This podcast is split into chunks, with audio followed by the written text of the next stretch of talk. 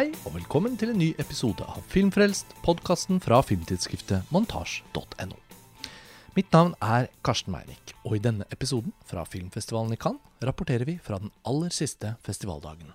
Vi har nå kommet hjem til Norge igjen, og denne episoden er blitt klargjort i etterkant av utdelingen av Gullpalmen og prisen for beste skuespiller som gikk til Renate Reinsve fra Joachim Triers 'Verdens verste menneske'. Det vi gjorde i denne episoden, var å invitere de to danske kritikerne Christian Mungård og Nanna Frank Rasmussen til å møte oss tidligere på dagen før prisutdelingen, for å snakke om festivalen som har gått, og om sine forventninger til hvilke filmer som ville få de gjeve utmerkelsene fra Spike Lees jury. Og da prisutdelingen var over, møtte vi de to danske kritikerne igjen sent på kvelden som en avslutning av Cannes-festivalen for å oppsummere. Så episoden som følger, den er da delt i to, og vi går rett til eh, formiddagsopptaket, der Lars Ole Kristiansen og jeg introduserer våre to danske gjester. Og så eh, glir episoden direkte over i kveldsopptaket, der våre reaksjoner på prisutdelingen og oppsummering av festivalen eh, kommer. Og i etterkant av denne episoden så har vi enda noen episoder fra filmfestivalen i Cannes som gjenstår å publisere. Så vi håper dere benytter sommeren godt og hører dere gjennom hele vår Cannes-dekning etter hvert som den er publisert i sin helhet. God lytting. Velkommen eh, tilbake til Filmfrelst, eh, Christian Mungård Takk. fra Informasjon Takk. og Nanna Frank Rasmussen fra Politikken. Takk.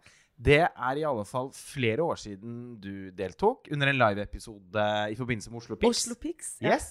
Og Christian, vi har jo egentlig hatt en tradisjon for å lage eh, Cannes-podcaster med deg, men av og til så har det jo vært veldig komplisert å få til. At det har jo mest været jeres skyld. Jeg har jo så lagt mærke til, at der er flere af jeres lyttere, der faktisk har efterlyst mig Det er helt i ko- kommentarsporene Ja, på, ja. på hjemmesiden. Ja, Du er Så en jeg- populær i Jeg, Norge. jeg er meget populær i Norge. Ja, Du er det. hei, jeg er Norge! Apropos Norge, liksom. Faktisk Heia Norge. Det er jo et eh, år med to norske filmer i det offisielle programmet, og det har jo vi prøvd å få litt skryt for i forkant av dere. Sånn under fotball-EM, jeg husker jeg sa på sosiale medier sånn Er det ikke helt utrolig flott da med Norge i Cannes? Ikke noe sånn veldig voldsom respons tilbake.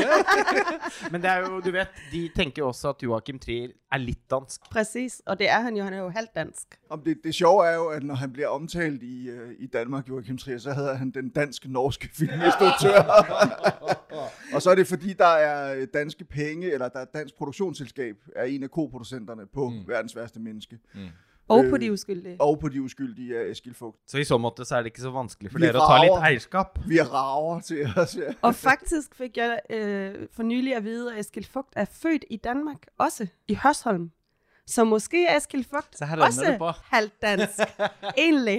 Wow. Er det vi som skal si takk til Danmark da, for Ja, at det dere tror ga jeg oss disse faktisk. to? Ja, Ja. Og det er jo da ingen hemmelighet eh, at eh, det er de to filmene vi tenkte å fokusere litt sånn i hovedsak på. Fordi vi også føler jo at eh, selv om vi vet at vi er jo tross alt objektivt innstilt, så blir man jo så glad for det som skjer med filmene fra ens eget land, at vi tenkte det var ekstra treffende å få med dere to til å fortelle hva, litt hva dere syns om de to filmene. Også fordi vi har jo allerede ytret vår begeistring til lytterne når vi har intervjuet de involverte i noen tidligere episoder. da. Så Men mm-hmm. jeg synes bare, det, så er det vigtigt nu at sige velkommen til Filmfrelst, øh, den danske podcast om, øh, om, om danske film i Cannes.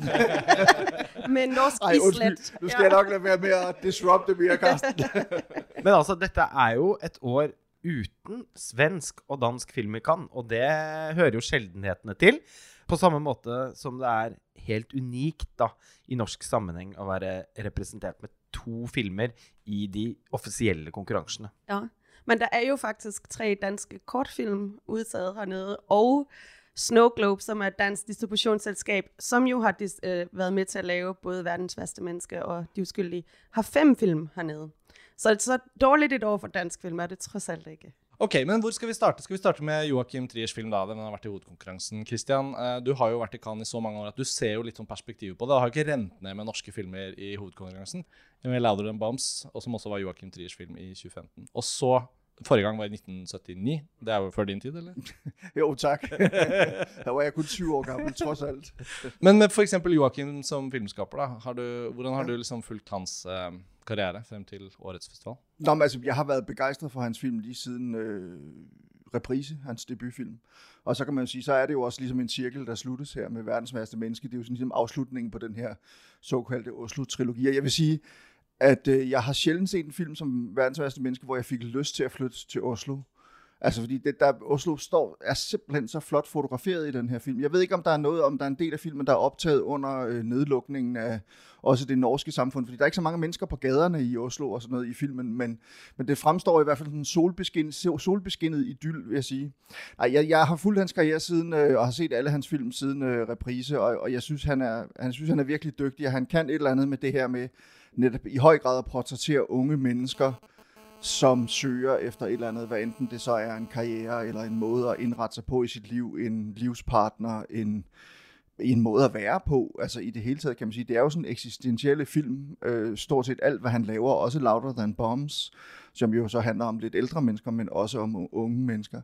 Øhm, og det synes jeg, han gør på en ret fin og meget sådan indlevet, sanselig måde. Jeg kan godt lide hans måde at fortælle på. Det her, det er sådan lidt, det bliver lidt uden for tid og rum på en eller anden måde. Det bliver sådan en slags eventyr, kan man sige hans film, og det, det holder jeg meget af, og, jeg, og, og igen, altså nu er jeg godt nok, øh, bliver snart 50, men jeg kan da godt huske, hvordan det var, da man var i 20'erne og havde, havde svært ved at, at, at finde ud af, øh, hvad det var, man ville med sit liv og, og sådan nogle ting. Det, så, så altså på den måde, så synes jeg, at, at der er virkelig mange fine ting i dem. Både ham som historiefortæller, men bestemt også som sådan visuel øh, filmskaber. Ja, jamen altså, det er jo en film, som er vældig specifik, altså geografisk specifik, som Christian sagde, så er det jo nærmest en hyldest til Oslo på, på sin vis. Altså vi har Christoffer Bo som i Danmark, som beskriver København lidt på samme måde, med samme kærlighed, som Trier gør med Oslo.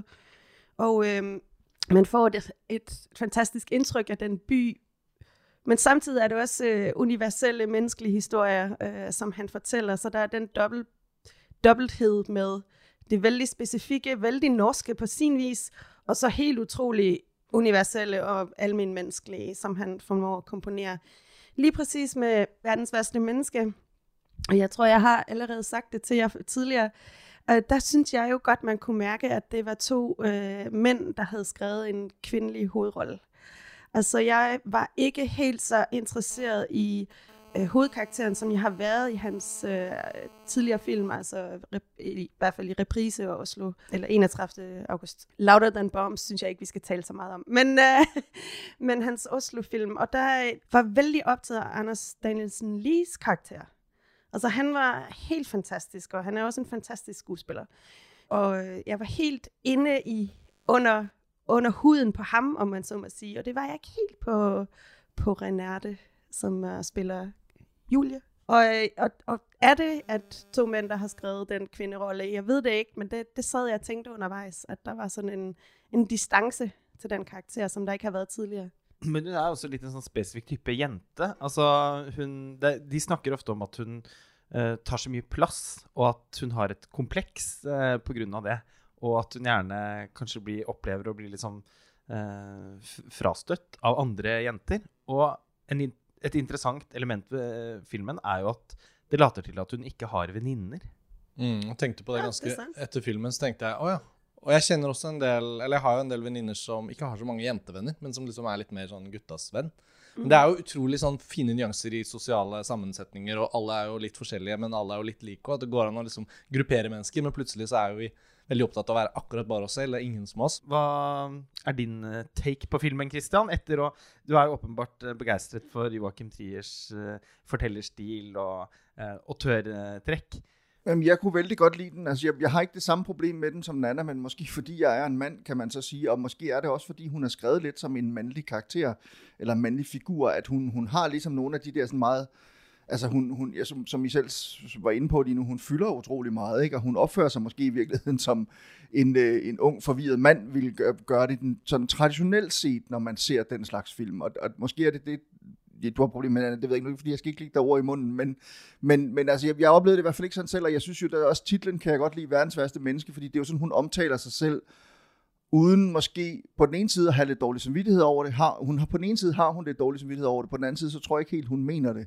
Altså hun tager jo en meget, meget bevidst beslutning i starten af filmen, og ligesom siger, altså hun læser medicin, og hun er sådan en 12-talspige. Hun er sådan en, der virkelig altid gør, hvad der bliver sagt, og man ved, hvad man kan forvente af hende. Hun er lidt kedelig. Og så siger hun, det gider jeg ikke mere. Og så må man sige, hun bliver alt andet end kedelig, kan man så sige, i hvert fald for, for sin, også for sine omgivelser. Altså, det er, jo, det er jo dem, det går mest ud over, kan man sige. Hvor hun jo selv sådan skøjter lidt igennem det. Det er jo ikke fordi, hun... Altså, de ulykker, hun oplever i løbet af filmen, Julie, er jo nogen, hun påfører andre mennesker stort set hele vejen igennem. Ikke? Altså, det er jo sådan, hun er jo på den måde, at hun jo øh, øh interessant som figur. Hun er sådan meget udadreagerende, og måske i virkeligheden sådan, for nu at vende tilbage til det, jeg sagde, at man ville skrive en, en mandlig figur i, i, en, i en lignende film. Det ved jeg ikke, hvad du siger, Nana. Mm, Jo, altså, det er sandt, og det er den type øh, altså, udviklingshistorie, som vi typisk har set mænd gennemgå på film, så på den måde er den jo lidt anderledes. Men det er jo ikke, fordi jeg tænker, at den kvindetype ikke er let genkendelig, for det er den absolut.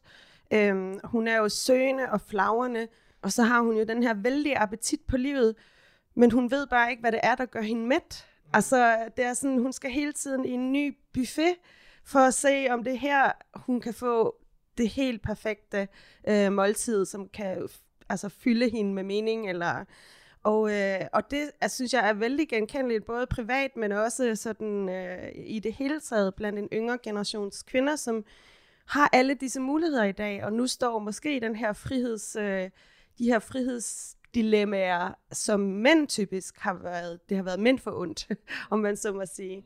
Så på den set synes jeg, at det er øh, temmelig genkendeligt øh, kvindebillede. Der, hvor jeg synes, at det måske bliver lidt for overfladisk, det er, at hun er så flagrende, og så smilende, og så smuk, og så øh, pleasende på sin vis. Altså, hun, øh, hun mangler på en eller anden måde lidt en kerne, og hun bliver lidt en overfladisk karakter.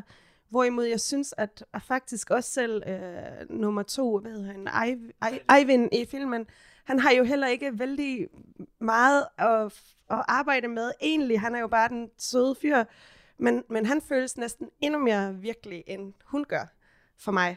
Det er veldig interessant, for jeg tror, jeg tror dette kommer til å gjelde eh, i, i mange land. At man oppfatter litt forskjellig. Man ser forskjellige ting fordi man gjenkjenner eller ikke gjenkjenner. og sånn, men, men noe av det jeg også syns kanskje er en fordel for hennes utvikling, og egentlig dybde, da, er jo også at hun, hun er i stand til å på en måte problematisere seg selv og si, sitt oppførselsmønster underveis. Altså at hun er såpass smart eh, lagd på en måte som menneske at jeg føler jeg kan gjenkjenne også som en sånn person som jeg kan føle jeg kjenner eksempler på. da, Som egentlig vet hva som er det riktige eller det gode. eller liksom, De kan analysere situasjonene, men de vil likevel ikke nødvendigvis ta det riktige valget. da. Og det synes jeg jo det at hun sier liksom, Du er eldre enn meg, vi, du er jo på et helt annet sted i livet. det Klart du vil ha barn, men jeg er liksom bare, jeg blir 30. Det er liksom, det er, jeg har masse jeg skulle ha gjort. Hva er det da? Hva er det du skulle ha gjort? Nei, jeg vet ikke, men det er derfor jeg vil vite. Altså, sånn, Ja, det, ja. De, de sekvensene her syns jeg er veldig bra på å liksom, sette fingeren på sånne veldig små detaljer ved noen som jeg kan kjenne igjen. Da. Men der er voiceoveren og kapittelinndelingen. altså bliver jo sådan, selvfølgelig peger jo på, at det hele er konstrueret i, i på sin vis. Og i stedet for at lægge det, de refleksioner i hendes replikker, så kommer det udefra, om man så må sige. Og det er det, der gør, at hun bliver lidt mere en, en øh, skakbræt som bliver flyttet rundt på af forfatterne og instruktøren, end en karakter med sin egen vilje, eller sit eget liv, eller øh, det er i hvert fald min oplevelse. Jamen, jeg, jeg synes faktisk, jeg, jeg vil lige sige, jeg synes faktisk, det der med øh, fortællerstemmen er ret interessant. Så vidt jeg husker, er det den fortællerstemme, der hele tiden enten gentager, hvad hun siger, eller så starter den på at sige en sætning, fortællerstemmen, og så gør figuren Julie sætningen færdig. Og det vil sige, den er jo fuldstændig, gør jo alt det, en fortællerstemme normalt ikke må gøre, eller som man siger, fortællerstemme ikke må gøre. Det synes jeg Mm. faktisk fungerer ret, jeg synes, det er ret sjovt.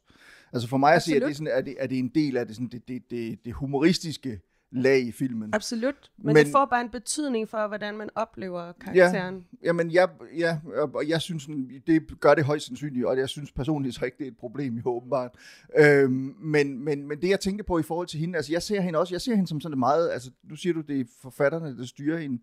Jeg ser det egentlig i virkeligheden, som om hun er sådan en, øh, hun er sådan et, en, en, en, en ustabil gas, som bliver tilført et eller andet kemisk system og man ved simpelthen ikke, hvad der kommer til at se, eller en ingrediens, man, man aner ikke, hvis vi hælder den her, det her grundstof, det her kemikalie ind i det, den her kemiske blanding, hvad sker der mund så? Og jeg føler lidt, det er det, de gør med hende. At vi har nogle forskellige arketyper og sådan noget, og så smider vi hende ind i det, og så ser vi, hvad der sker. Og, og det, sådan oplever jeg lidt filmen i hvert fald, og det er det, jeg synes, der gør, at den, at den fungerer godt for mig. Altså, synes jeg, hun er skide god, Renate Reinsvær. Altså, jeg synes, at jeg, og, det, på den måde lever hun for mig. Altså, jeg har sgu ikke tænkt så meget over det der med, om hun er mindre dyb, eller end, end nogle af de mandlige figurer. Nej, men det er jo øhm. klart, Christian. Nå, Men det ser du ikke. Nej, det er klart, det gør jeg ikke. Nå, men hurtigt skift emne. Jeg tenker det er verdt å påpeke at den jo er en romantisk komedie. Det er i alle fall sånn at Joachim Trier har eh, gitt seg selv oppgaven å eh, eksperimentere med den eh, sjangeren. Hvordan tenker dere at filmens humor liksom kommuniserer med dere som er danske, som i og for seg da er veldig tett på oss, men også med andre kritikere fra hele verden? Har dere fått noe inntrykk av det? Ja, sådan som jeg husker det, så var der, der jo ret meget, øh, altså til, til, til den store pressekørsel i Debussy, blev der grinet ret meget. Altså sådan oplever jeg det, altså at, at, mm. at den rammer de steder, hvor den skal ramme. Og selvfølgelig er der nok, altså indimellem kan man jo godt blive forundret, når man sidder i sådan en biografsal med 2.000 mennesker her i Cannes, at man griner af én ting selv, og så lige pludselig er der nogen, der griner af noget Ja. helt andet, hvor man tænker, jamen der skulle ikke grines der. Nej, præcis. Altså, altså Who som, som, people? men, men i forhold til den her, synes jeg, den kommunikerer sådan, altså jeg synes ikke på den måde, at den er subtil, eller at den er svær at forstå. Jeg synes, den kommunikerer ret bredt. Jeg synes, det er en meget ja. bred film. Ja. Og den kan ses af de fleste mennesker, og jeg tror, det er sådan en, min, min søn og min datter for eksempel, altså de er henholdsvis 23 og 27, de vil også synes, den var fantastisk at se. Mm. Det er jeg helt overbevist om, at de synes, det var sjovt at se den. Jeg tror også på en måte de som har laget den, håper at den kan nå litt bredt ut. Mm. Eh, selv om den også har liksom så tydelige kunstneriske ambisjoner. Tenker dere at eh, den vil være aktuell for én eller flere priser?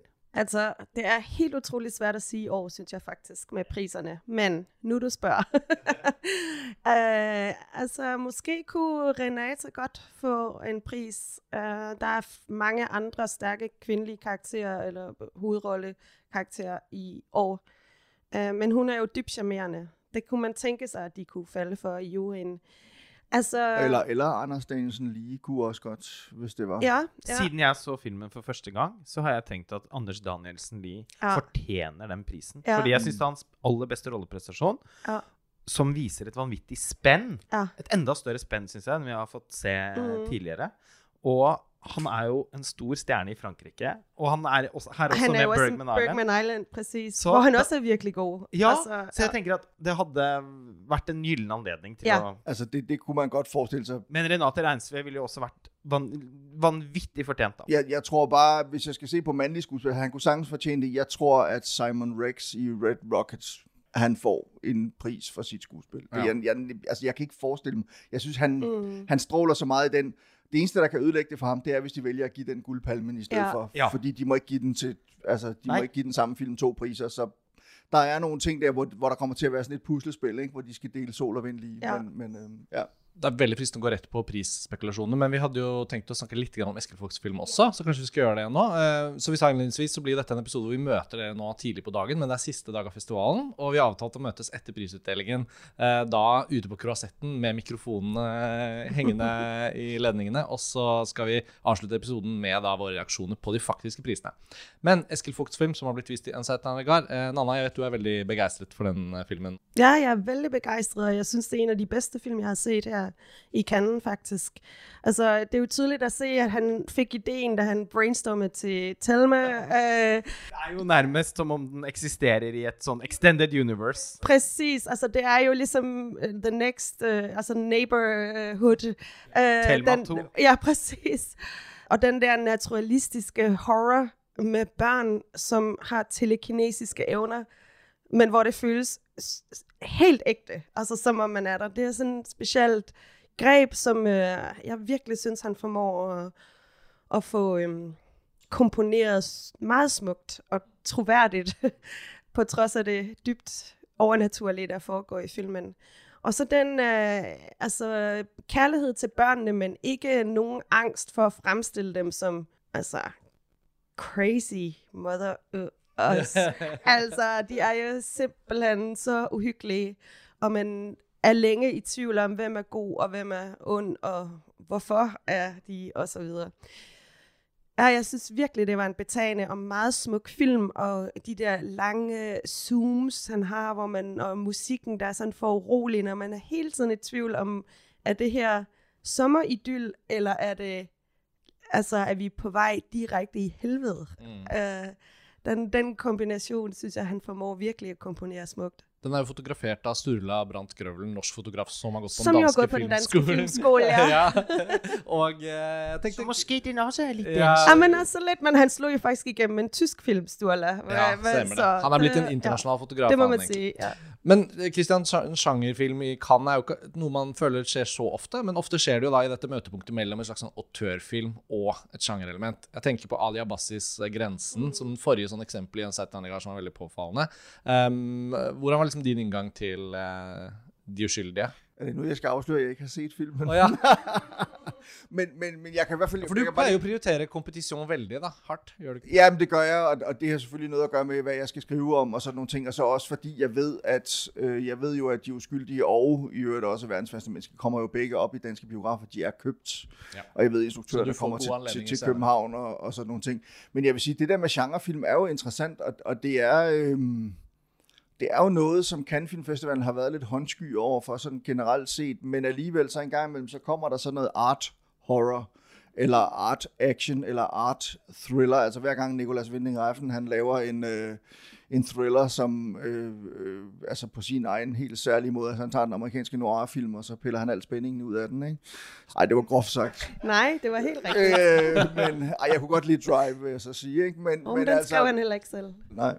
Men altså, så, så på den måde kan man sige, at, at der er jo en, en måde at gøre det på. Altså, jeg kan huske, jeg interviewede en gang Ruben Østlund, dengang han havde lavet Force Majeure, som kom med i Ansatsen Regard hernede. Mm.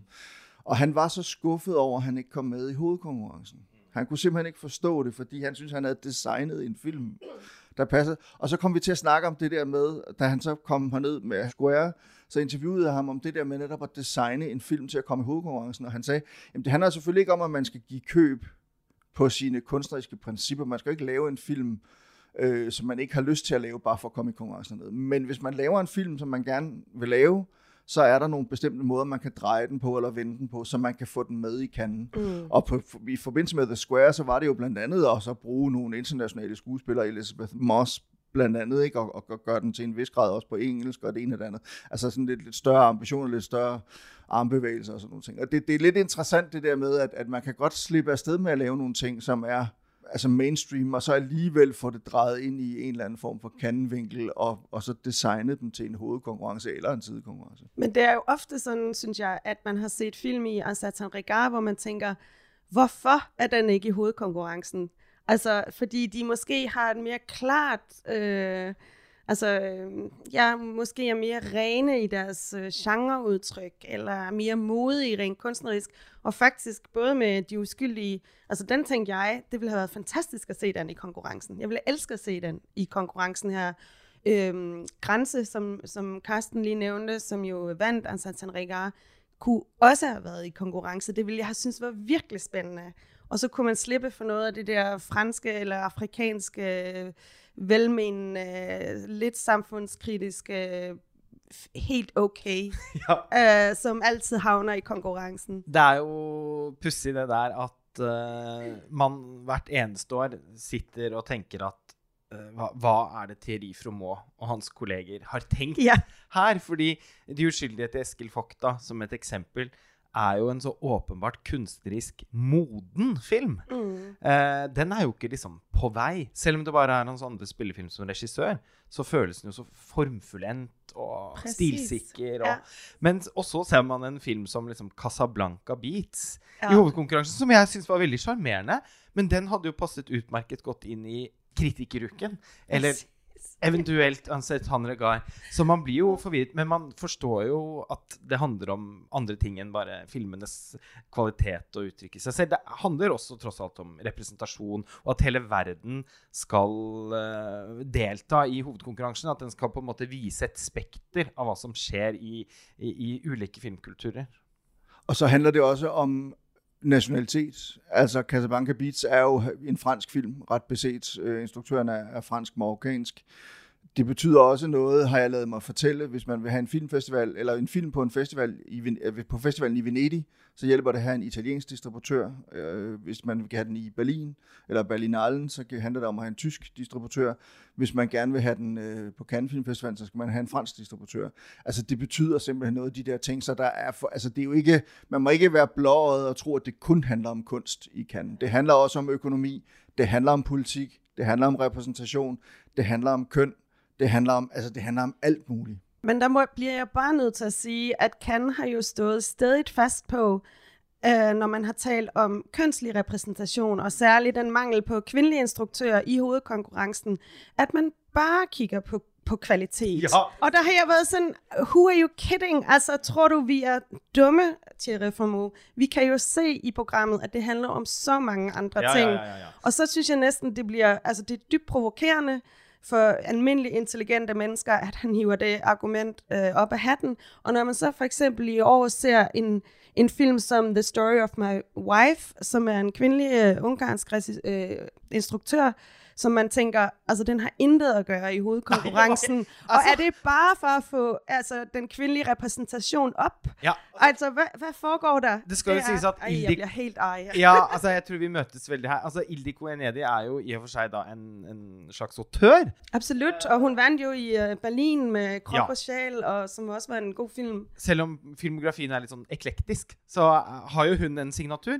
Så det er jo hovedårsaken til at hun er med, tenker jeg. Men når man ser filmen, så er det jo åpenbart en utenfor konkurransefilm. En ting er at det er en europudding, og slet ikke en Cannes-film, efter min mening. Nei, virkelig ikke. Berlinale Special Gala. Ja. Der hadde den passet. Ja, Det skal jo bare lige siges, at den har jo faktisk fået, altså der er jo folk hernede, som er virkelig glade for den, også i de der screenpanelet og i... Kan Det France. ingen mening. Nei, det er ingen mening. Det er den sva for meg den minst verdifulle filmen i hele hovedkonkurransen. Nej, det er det ikke. Den er så mainstream. Den er Jeg Thailand. er helt enig med Nej, nej, nej, nej. Nei, Apichatpong! Nej, den er Forfærdelig jo film og fantastisk. Nei, den er jo en av de beste filmene i Ja, konkurransen. vi kommer til Uh. skændes om det. Jeg skulle, jeg skulle faktisk akkurat til å bringe oss mot eh, litt sånn eh, tidsskjema og kontekst her og sånn, så slapp du den bomben, Christian. Hva skal vi gjøre nå? Fordi det som skjer nå, eh, for lytternes del, er jo det er lørdag formiddag, siste dag av festivalen.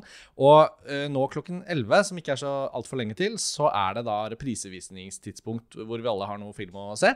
Og mm, vi snakket om å bare kort spekulere litt om hovedprisene, men nå blir det kanskje ikke så mye tid til det. Men eh, siden ikke du hadde sett De uskyldige, da, Christian. Hvis du, hvis du har noen sånne kjappe Eh, favoritter, eller palm, palmefavoritter, hvilke ville det vært nå, før vi ser de aller siste filmene etterpå?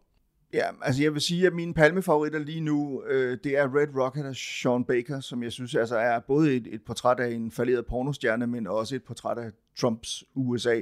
Altså hovedpersonen er jo en mini-Trump simpelthen, og det, det synes jeg er ret fascinerende. Og det er noget af det, Sean Baker han kan. Han kan det der med at portrættere mennesker, og så et helt land på samme tid. Det gjorde han i Florida Project, han gjorde det i Tangerine, han gjorde det måske ikke så meget i Starlet, men også i nogle af sine tidligere film. Jeg synes, øh, hvad hedder det, Asghar Farhadis, En Helt, også har virkelig, altså virkelig stærk. Den er jo også sådan lidt, den er jo, øh, handler om en mand, nærmest sådan en Jobs bog fortælling om en mand, som øh, prøver at komme ud af gældsfængslet og få genstartet sit liv, og der er simpelthen bare stilles forhindringer i vejen på, for ham hele vejen igennem, og så er den samtidig en, en meget, meget harsk kritik, satire over, hvordan sociale medier fungerer, men også hvordan elektroniske og trygte medier fungerer, hvilket i øvrigt også undskyld, Bruno Dumonts, øh, Bruno Dumonts øh, seneste film France, som jeg morede mig ret godt over, i hvert fald halvdelen af den. Men, men jeg vil sige, Asghar Farhadi og, og, og, og Red Rocket af Sean Baker, det, det er nok de to, jeg tror, som kunne gå ind og vinde. Og så vet jeg at du skal nå se den japanske filmen, Hama- Hamaguchi Ryusuke, eller hva han heter. Ryusuke Hamaguchis Drive My Car. Nettopp. eh, Både du og Lars Ole skal gå og se den. Og den er jo også seilt litt opp som en sånn favoritt nå på slutten. Ja, men det, det er ret interessant, at jeg så, så lige Memoria af, af Picha Pong Virasitakul, den kom ind som øh, på anden pladsen med 3,5 øh, ud af 4 stjerner hos øh, Screens øh, internationale kritikerpanel. Og der har øh, Drive My Car jo ligget nummer 1 fra første gang, den blev vist med 3,5. Og det, man kan, altså, det er jo sådan noget, og, så, og den store frygt som kritiker i Cannes, det er, at når guldpalmen bliver uddelt, at man så ikke har set den film, der Mm. får guldpalmen. Og det er den frykten som har rammet oss nå. I tillegg til at eh, jeg har satt pris på noen av hans tidligere filmer. Men altså, jeg vil sige, jeg har, jeg har to gange, eller tre gange reddet den på sidste dagen. Parasite, Øh, Blue is the warmest color i hvert fald, så jeg begge på sidste dagen, og så vandt de guldpalmen om aftenen. Så regn med, at Drive My Car, den vinder guldpalmen, ja. Har du noen stalltips sånn, eh, på, før vi nå forlater eh, leiligheten her og løper ut og ser film? Og så skal vi møte dere igjen etter prisutdelingen. Men Anna, Mm. Ja, altså det var jo lidt uh, irriterende, at du spurgte Christian først, fordi at uh, jeg har også uh, Red Rocket af Sean Baker som min favorit faktisk. Um, og for Hardy spår jeg også uh, chancer uh, med den jury, der sidder nu af Hero.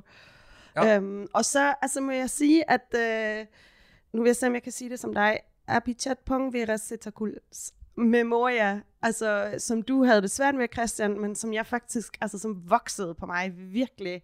Og det er jo indbegrebet af slow cinema. Altså det, man, man, men, men det er også altså, sindssygt hypnotiserende og øh, crazy og vanvittigt. Og, ja, men på en god måde. Carlos Regadas tænkte jeg Ja, på, ja. altså, da jeg så Yes. filmen. Det var sådan helt ligesom uh, Post Men, han- men han kan jo lave film.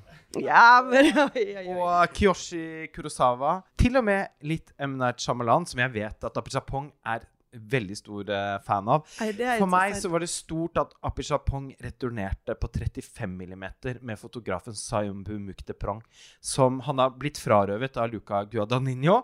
Og den forrige filmen hans, 'Sovende soldater', den syns jeg var en litt sånn digital videoinstallasjon. Jeg var veldig skuffet over den filmen. Så for meg så føles det som Apichatpongs første ekte film siden 'Onkel Bon med', som vant Gullpalmen i 2010. Det er elleve år siden! Jeg var så glad for å kunne være tilbake i hans myke hender. For, og grunnen til at jeg bruker akkurat det litt underlige uttrykket, er at uh, vi har erfart Vi har faktisk møtt Apichat Pong ved flere anledninger, og han har verdens mykeste hender. Veldig hyggelig håndhils. Men jeg ble nesten helt sånn stum av beundring over hvor myk hånden hans var. Han har ikke stått og hugget eh, trær i skogen, si sånn. Jeg bor på hotel med hans producer Simon Field, så, så, så jeg har jo måttet gode miner til sletspil. Så det er en vældig god film. Meget, meget smuk. Jeg nænder jo ikke at sige det, men jeg vil sige det på den måde. Det, der bliver spændende at se i aften, det er, om Spike Lee han når at vågne op efter at have set Memoria.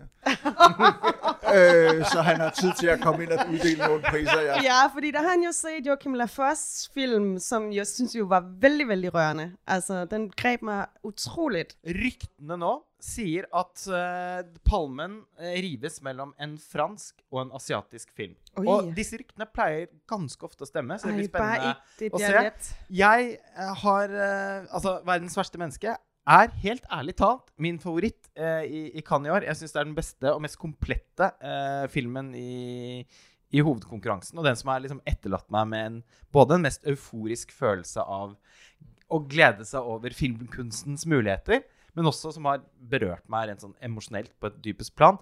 Men etter den så er det også Red Rocket for meg. Jeg syns det er Sean Bakers beste film så langt. Og jeg syns det var vidunderlig å se at amerikansk film fortsatt kan være så kunstnerisk fri.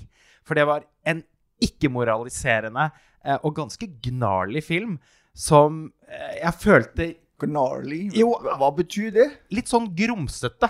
Ja. Jo, men den har noen elementer av trash og sexploitation, og den Ja. har liksom eh, Men også en så dyp empati for rollefigurene, og en så nærhet til miljøene som, Som jo er en antihelt. Altså, Ja. han er jo en dybt narcissistisk og et kæmpe røvhul. Undskyld. En manipulerende pikk, Ja. Ja. men også karismatisk. Og man, hei, altså, så man får jo lyst til at, det skal, at det skal gå ham vel. Præcis. Og man blir alle, altså Jeg satt og liksom fikk lyst til å bare samle alle sammen rundt et bord og si Nå, nå skal vi Nå, nå må vi rede Ja. ut noen ting her, og så skal vi sørge for at dette her går bra. Kan jeg bare lige nævne to, for du nu nævnte fransk film. Altså film, vi ikke har talt så meget om, som er François Ozons film, som jeg Everything Went- Fine, som er en film om assisteret selvmord. Den kunne jeg vældig godt lide også. Øh, den, og så en, som jeg tror måske står lidt alene med, men La Fracture, eller Ja. Fracture af Katrine Corsini, som lige har vundet The Queer Palm hernede.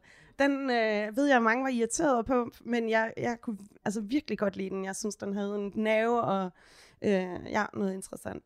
Det vil jeg lige nævne. Ok, ehm, Lars Ole har allerede forlatt mikrofonen for å gå og gjøre seg klar for at løbe til Hamaguchi. Ehm, takk for denne første oppvarmingspraten. Godt å ha dere begge her ved mikrofonen hos oss. Det er vi veldig glad for. Takk for at dere tar dere tid til det. Og så, ehm, ja, så skjer jo bare prisutdelingen, og så får vi finne hverandre i mylderet. Så da eh, kan lytterne bare glede seg over det tidshoppet som kommer nå. For om noen sekunder så får dere høre hvem som har vunnet prisene, og våre reaksjoner på det. Så stay tuned.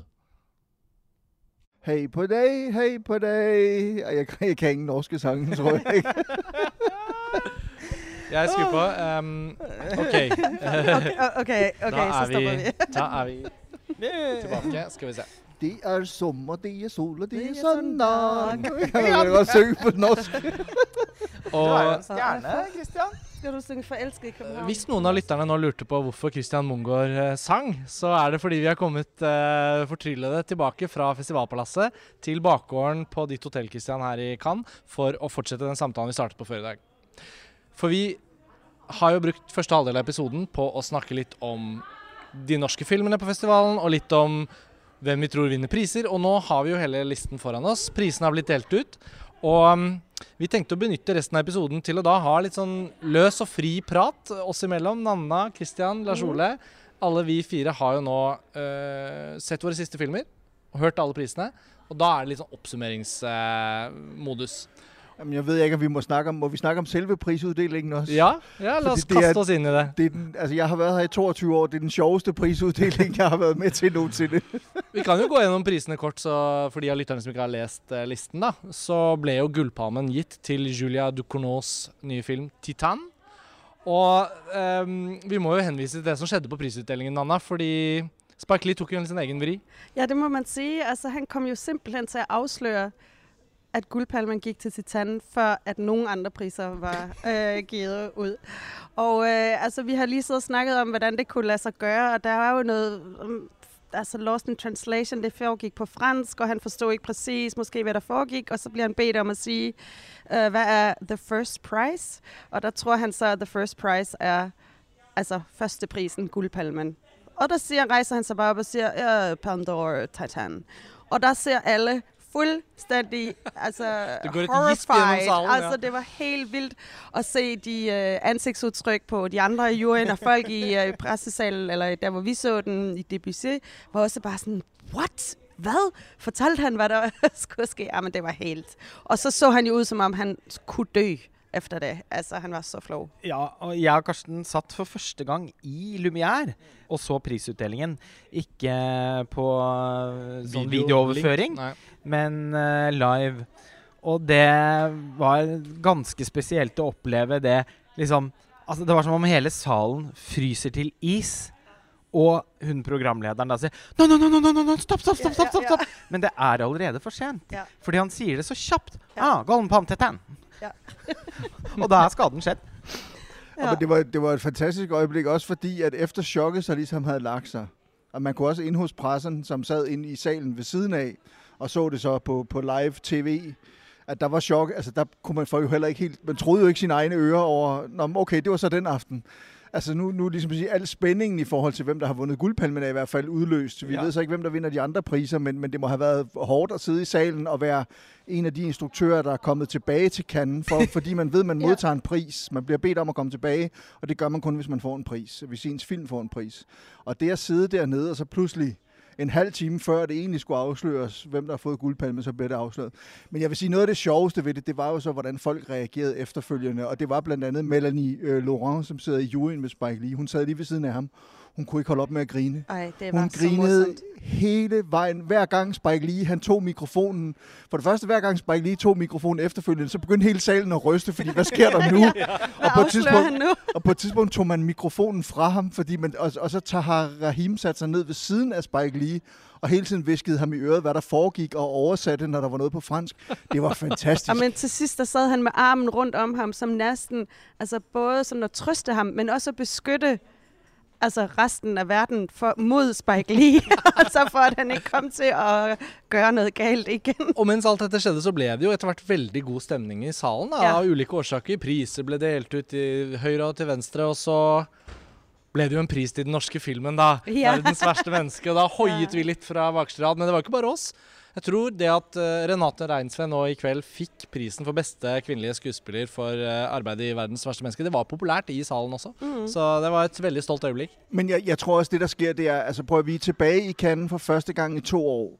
Sidste år blev Cannes Film Festivalen aflyst, som vi har snakket om. Vi er tilbage igen. Alle er lettet over at være kommet tilbage.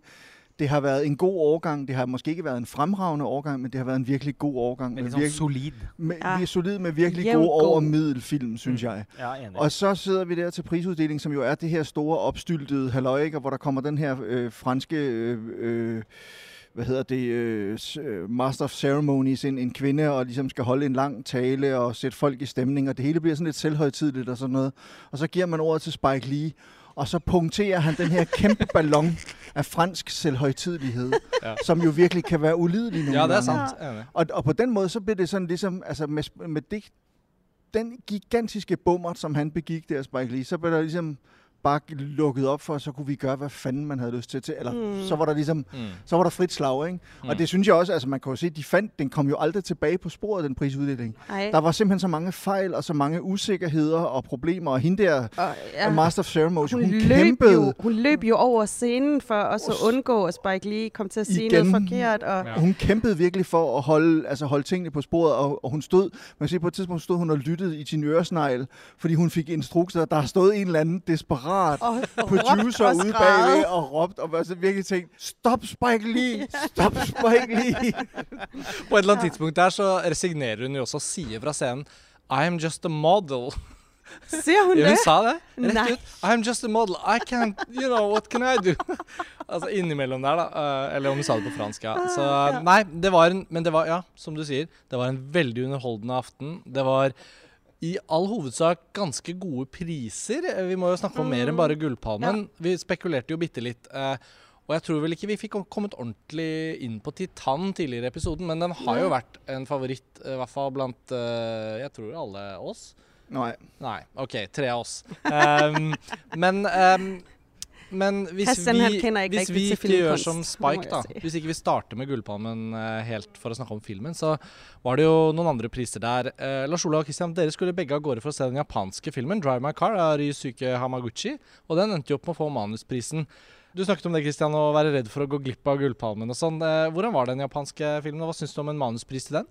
Jamen, det, det er en god film. Jeg forstår ikke helt, den får manuskriptprisen faktisk, fordi jeg, det, det synes jeg ikke. Altså, jeg, jeg synes måske, den skulle have haft noget andet. Måske skulle den have... Nu er det jo en Murakami-filmatisering, så måske er det derfor, de giver den manuskriptprisen. Mm. Altså det med at tage et, et litterært værk og omsætte det i billeder, og de gør den ret godt. Det er en, god, det er en virkelig god film. Jeg tror ikke, jeg er lige så begejstret, som Lars Ole han er, men tror, du kaldte den et filosofisk mesterværk i en besked til mig lige efter. sa jeg Et altså. storværk, okay. Men, men øh, jamen, jeg synes, det er en god film. Det er en film, der kræver tålmodighed. Altså, den varer tre timer. Jeg vil så sige, det er ikke en film, der er for lang, fordi der er en pointe med, at den varer tre timer. Altså, at man ligesom gennemlever et menneskes, ikke bare et liv, men faktisk to liv for det samme menneske, når man nærmest igennem i løbet af filmen. Og det, det tror jeg, det er jo sådan en vigtig pointe på den måde. Jeg synes, det var en veldig god film, meget, meget flot film. Men igen, Altså, det var min 27. film på festivalen, og vi har været her 11-12 dage nu, og man er træt og sådan noget. Det er ikke den fedeste film at se på den sidste dag, så... Nei. Men, Nei, og den ville jo på en Ja. måte vært et eh, Den fikk jo rett og slett eh, en slags gullpalmebøss, som gjorde at både du og jeg ble veldig eh, Fikk angst for å ikke ha fått den med oss. Og den ville jo på en måte vært et litt sånn safe valg, som sikkert mange i en jury kunne vært enige om, fordi den har så opplagte kvaliteter. Det er Eh, også litt kedeligt valg. ja, fordi det, det ville kanskje blitt litt som da Nuri Bilge Ceylan vant for 'Vintersøvn', eh, som jeg syns er en fantastisk god film. Men den opplevde jeg også som en sånn palme som til dels kanskje også var en litt sånn karrierepalme. Men eh, et resultat av at en jury har hatt mange filmer de kanskje har vært litt uenige om, som har stått veldig ut, sånn som 'Mommy' til Xavier Dolan f.eks. det året der. Og så har man valgt noe for, litt fornuftig. Og hvis eh, Hamaguchi hadde vunnet Gullpalmen for 'Drive My Car', så hadde det vært et litt sånn lignende tilfelle. Men jeg må si at jeg syns det var en utrolig klok og gripende film om hvordan vi mennesker skaper eh, fortellinger for å kunne komme seg gjennom livene våre. Altså hvordan man kan bruke eh, hi historiefortelling i, i hverdagen sin som eh, et hjelpemiddel for å komme seg videre etter å ha opplevd noe traumatisk, men samtidig også bli slynget tilbake i en stemning som man kanskje har forsøkt å fortrenge. Så eh, det var noe med den, eh, den sirkulære diskusjonen i filmen som jeg syntes var veldig japansk. Ja, det var veldig japansk. Og, og, og som jeg ble innmari fascinert av. da, Så syns jeg den var fantastisk vakkert castet og spilt. Eh, og til det å være han. Ryosuke Hamaguchi også mer visuelt sofistikert, syns jeg, enn de tidligere filmene jeg har sett av han. Der var også noget meget fascinerende i det her med, at øh, altså, den handler jo blandt andet om en, en teaterskuespiller og teaterinstruktør, som i sætter Onkel Vanya. Øh, det er sådan ligesom et gennemgående tema i, i, i filmen. Først er det faktisk Venter på Godot, og så bliver det så Onkel Vanya. Men det, der faktisk er fascinerende i det, er, at de opsætninger, han laver, det er så nogle, hvor folk taler, altså der kommer skuespillere fra, ikke, måske ikke hele verden, men i hvert fald hele Asien, så der er både en, der snakker, jeg kan ikke huske, om det er filippinsk, og der er en, der snakker... Øh, øh, som snakker kinesisk, det er som koreansk, og så, og så er der en, der snakker øh, Tegnsprog. koreansk tegnsprog også og sådan noget.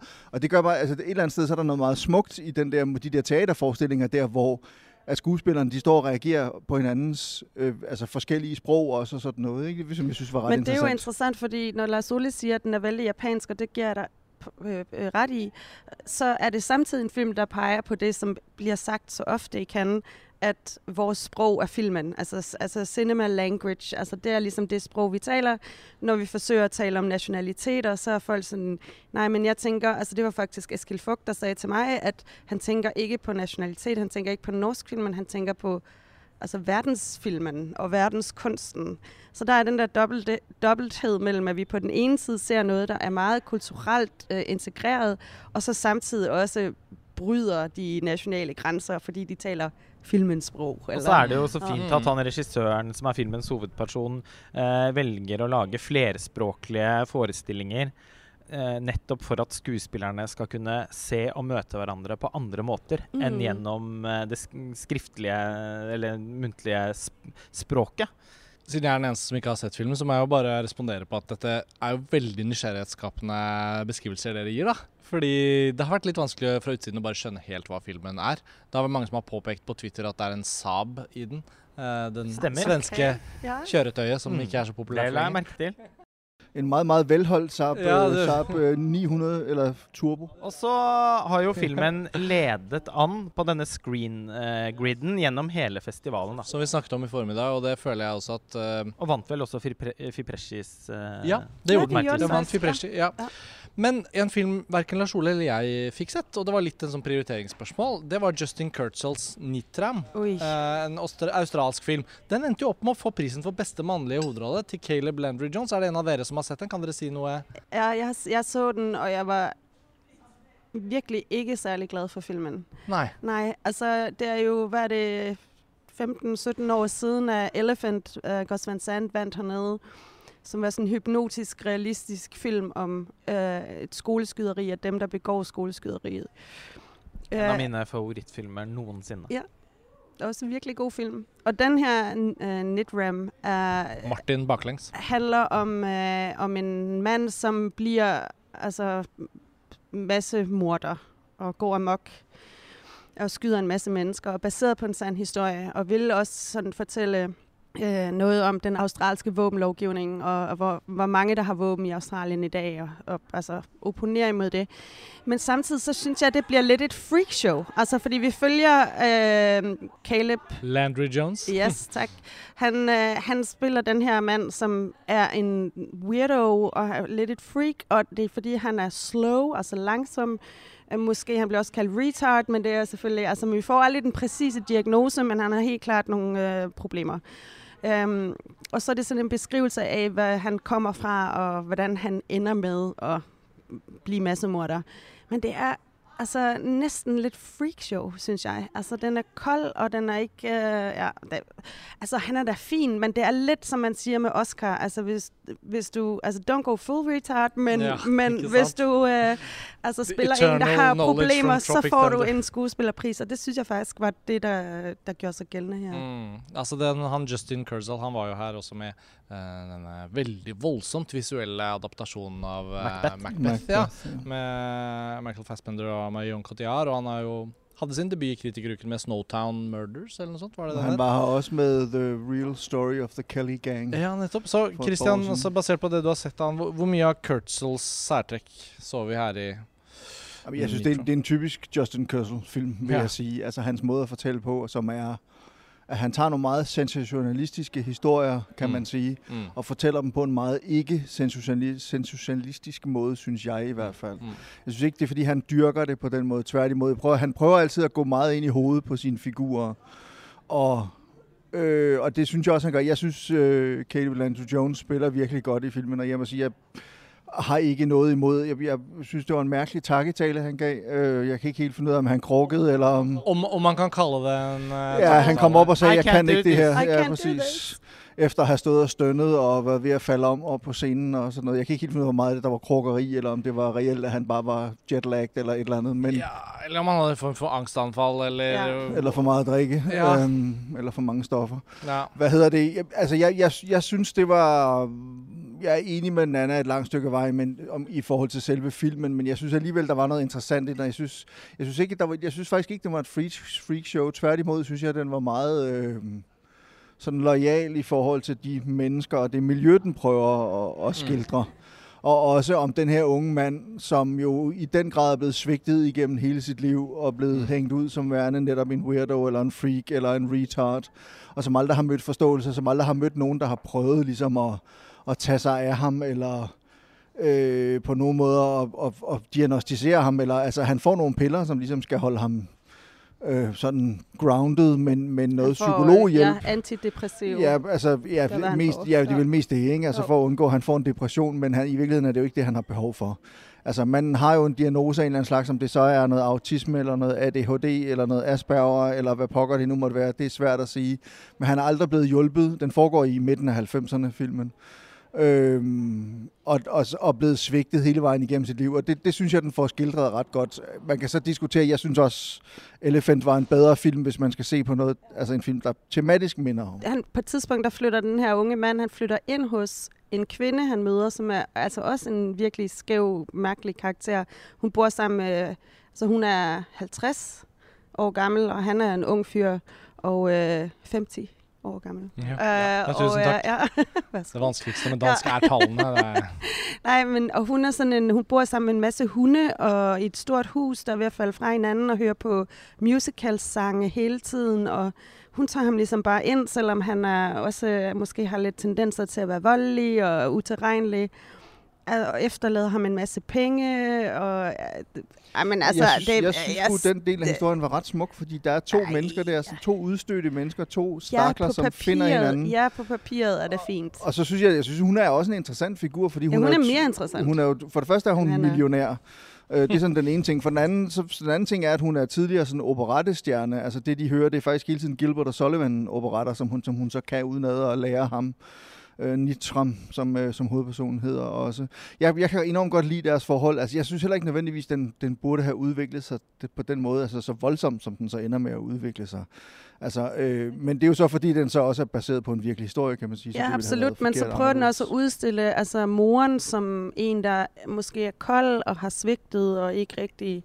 Det er hun da også. Ja, det er hun, men det bliver bare så karikeret, synes jeg. Hvor, og faren er... Faren er den eneste, der forstår sønnen i hvert fald. Ja, men det er, ikke, det, er ikke, det er ikke virkelige mennesker i den film. Det, jamen, der, der, der er jeg så fuldstændig uenig, må jeg så sige. Men dette var veldig spennende for oss å høre på, som ikke har sett filmen. Fordi dette er akkurat sånne ting som gjør at man får sånn bilde av den. I hvert fall hvis man har sett noen Justin Kurtzell-filmer fra før av. Men, men det, der er interessant med ham, synes jeg, det er i virkeligheden, hvis jeg nu skal prøve at vende tilbage til noget, af det jeg sagde i starten, det er, at han er en meget svær instruktør. Altså, hans film er ikke nemme at se. Nei. Altså, Macbeth kan laves på mange forskellige måder. Han har valgt, han, sådan, sådan som jeg synes i hvert fald, hans Macbeth var, så valgte han den sværeste og den mest mørke og svært tilgængelige måde Ja. at gøre det på. Han gjorde det samme med The Kelly Gang, som varede, jeg ved ikke, næsten tre timer eller sådan noget stil, ikke? og som også bare var...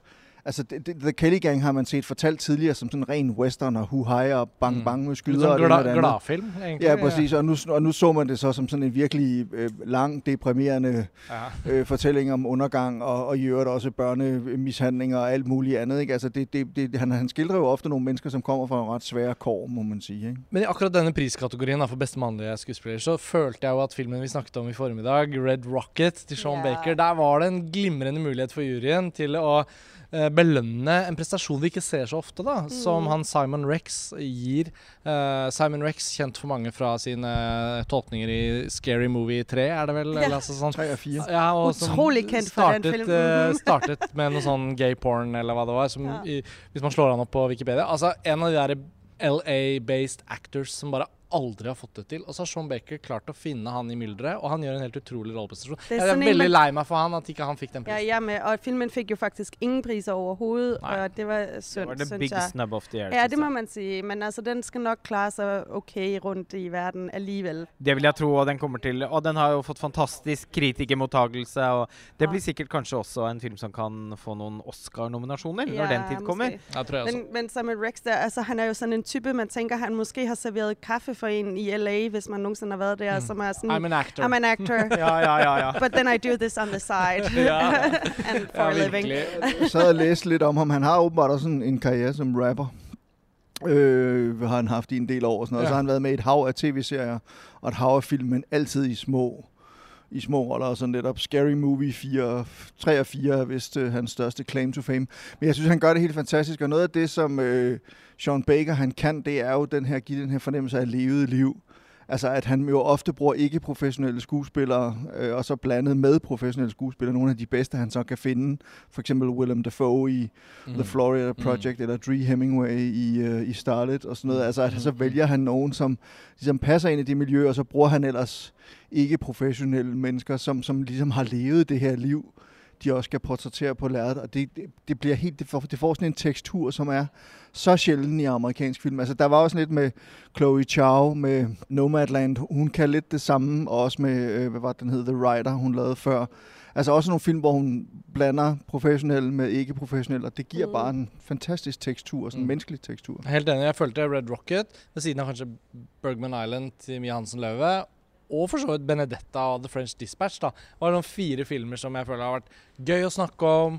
Morsomme, bra filmer. Kanskje ikke toppfilmer fra regissørene sine alltid, men sånn veldig bra.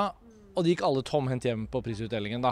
Og jeg syns Red Rocket var liksom Sean Bakers aller beste film eh, så langt. Så Nå tenkte jeg på de tre andre Ja, kanskje som sånn. Men, eh, men også The French Dispatch, eh, som vi har snakket om i en annen podkast, som Mm. vi skal publisere senere, syns jeg var en Ja, det var Wes Anderson in extremis. Ja, Det må man sige. Og for de som er ambivalente til det han holder på med, og hans dokkehus, så vil den garantert være enerverende, men den hadde jo en ellevilt imponerende liksom filmskaping, som jeg tenker at man også kunne ha belønnet, da. Men han, nej, nej, men han nej, trenger ikke nej, Nei, du er uenig? Nej, jeg var slet ikke vild med den. Men, Men Spørsmål, spørsmålet der er litt sånn hvor skulle man vil, Hvor i den filmen skulle man gitt prisen? Og det tenker jeg kanskje var eventuelt å gi han beste regi, da. Men den prisen i kveld, Lars Ole Ja, vi har jo sneit innom Anette til Leos Carax i, i en annen eh, episode, som også blir publisert på et senere tidspunkt. Men vi er da veldig nysgjerrig på å høre hva dere tenker om den. Lad bare Nana gå først. For den fikk jo da beste regi da i kveld, Leos Carax. Ja, altså, ja, altså nu nævnte du udtrykket ambivalent øh, før, og der må jeg sige, det, jeg har det også ambivalent med, med, med Annette. De første 10 minutter øh, var jo næsten geniale, fordi der starter de med, man ser også Leo Carax selv øh, sidde bag mixerpulten, der er nogen, der synger en sang, og, og det er, øh, hvad hedder de, The, Sp- The Sparks. Mm. øhm, som har lavet musikken til filmen. Og de samlet, alle skuespillerne og instruktører osv. samles i en stor øh, sangopvisning, hvor de synger May We Start, og det er åbningen på festivalen. Og altså, man havde jo lyst til at råbe efter et år, hvor vi ikke har kunne have kanden og sige, ja, yeah, finally, you may start. Altså, Ja. det var helt genialt valgt som åbningsfilm. Men der bliver den enerverende. Altså, der bliver den, altså til sidst, den sidste, i hvert fald halve time, der har man jo bare lyst til at råbe, hold nu kæft, altså bliv nu færdig. Fordi det var så øh, sådan, ja, unødvendigt øh, monotont, synes jeg. Christian? Men øh, jeg er fuldstændig uenig. Nej, jeg synes ikke, det er ikke... Altså, jeg var... Øh, Holy Motors, øh, Leos Caraxes forrige film, som også blev vist her i Cannes, synes jeg var et mesterværk. Er i. Den, den, det synes jeg var et helt utrolig fantastisk film. Den gik jeg fra. Og, øh, Oi!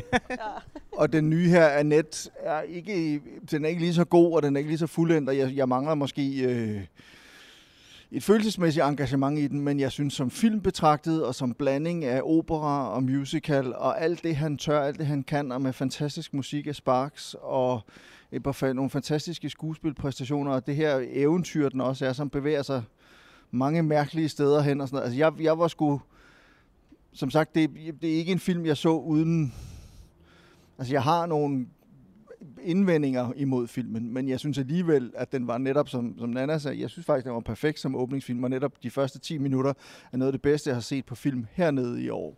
Mm. Øh, så jeg synes virkelig, den kunne mange ting, og, og, og, og jeg har faktisk øh, været nede og købe soundtracket på, på vinyl til filmen og sådan noget. Så, så jeg, du kan jeg, falde jeg, i søvn til det derhjemme? Jeg synes virkelig, øh, jeg synes virkelig den kunne et eller andet. Jeg prøver at ignorere Nana lige i øjeblikket, fordi hun er så, øh, hun er så fræk, som hun er.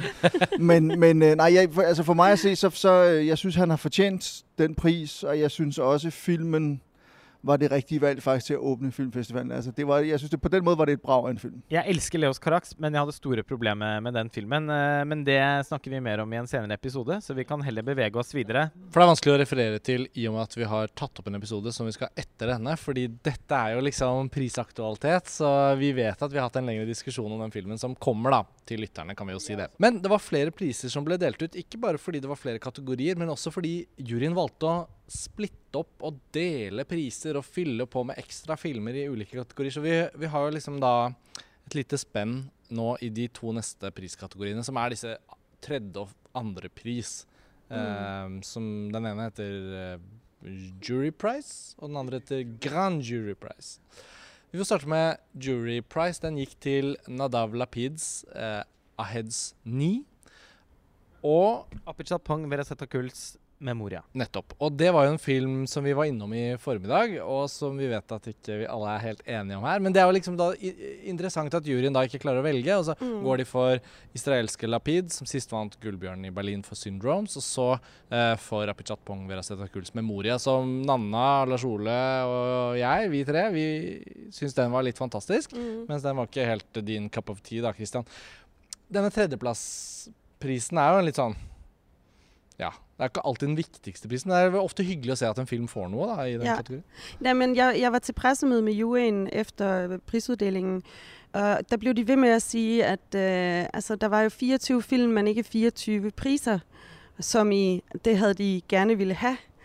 Og øh, fordi de ville, åh ja, de havde været utrolig uenige, at der var ikke en eneste pris, der var givet, øh, altså hvor alle havde været enige om en pris. Så der har været stor uenighed. Samtidig sad de også og sagde, I love you all, og jeg kommer til at savne jer, og det har været det bedste oplevelse i mit liv. Og det var fint. Men det betød så, at de delte priserne op, øh, så der var mange film, der fik. Og det var lidt lamt. Altså, vi talte om lidt tidligere, Lars Ole, at altså, det blev lidt sådan, ej, kom on, tag nu stilling, og så må I blive enige om, hvem det er, der skal have den. Det er jo opgaven. Præcis. Og der synes jeg, at øh, altså, øh, Nadav Lapids film forstår jeg faktisk ikke for en pris. Men jeg kunne jo høre på Mati Diop, øh, som sagde juryen, at øh, hun, øh, hun var vældig glad for filmen, fordi den havde det her politiske budskab.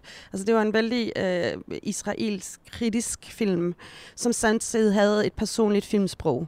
Men som også er veldig sånn polemisk. og liksom, øh, Det går for en sånn tematikk som skal uttales i filmen. Nesten så den glemmer å være en fortelling, liksom. Og det er i hvert fall for meg personlig ikke akkurat det jeg elsker mest med film, er ikke nødvendigvis å få sånne foredrag om en sak. Precis. Og filmen tar lange partier hvor den egentlig bare er det, da. Selv om mm. det er en slags historie der. Ja, og så kan man si at måske blir hele det her øh, litt skæve, eksperimenterende filmsprog blir et alibi for å fortelle en politisk, eller komme med et politisk statement. Mm. Altså, sådan var det måske lidt for groft sagt, for det, sådan var det ikke kun, men der var helt klart et politisk sigte med filmen, som jeg synes blev for voldsomt i forhold til, hvad selve historien kunne. Er enig. Har du sett den, Christian? Nej, jeg har faktisk ikke set den, men, men jeg bare lige for hurtigt en sådan overordnet betragtning i forhold til det med priserne. Altså, jeg synes et eller andet sted, vi, stod, vi gik lige og talte hernede, Nana. Jeg tror, vi, vi regnede ud, at der var givet ni, ni. ni film har fået priser i år, ikke? hvilket jo også alligevel er næsten halvdelen af, af alle dem. Det er i hvert fald, øh, mm. i, i, hvad? Øh, men fortsat ingenting for Benedetta. Nej, men, men altså, det er, jo, det er jo det er alligevel en del af de 24 film, der så har, har fået en eller anden form for priser. Og, mm. og det må jeg sige, det, det, altså et eller andet sted i det år, hvor Cannes netop vender tilbage, så har, mm. synes jeg også, der er noget meget poetisk i, at de gør det. Og jeg synes også, og jeg kan også godt forstå det, fordi det er nogle meget, meget forskellige film, og, og det er også nogle meget forskellige mennesker, der sidder i den jury. Og jeg vil næsten hellere have, at de deler priserne ud på den her måde. Nu var jeg ikke nødvendigvis enig i den film, der fik guldpalmen. Jeg synes ikke, det er ikke, bestemt ikke min favorit hernede. Men den kan et eller andet, og jeg synes hellere det, at de giver den til en film, som altså ligesom vil noget, og kan noget, og tør noget, og som er en overraskelse eller et chok, om man vil. Heller det, end at de så netop kun deler de der seks priser ud, eller syv priser, eller hvor meget det er, og så øh, øh bliver det sådan nogle Altså det her, det var den, vi kunne blive enige om. Mm, det bliver sådan nogle mm. konsensusfilm, og det bliver det kedelige valg, som vi snakkede om før. Men sådan blev det jo næsten, kan man sige. Altså, det u- måske utilsigtet, det, når man så giver til så mange.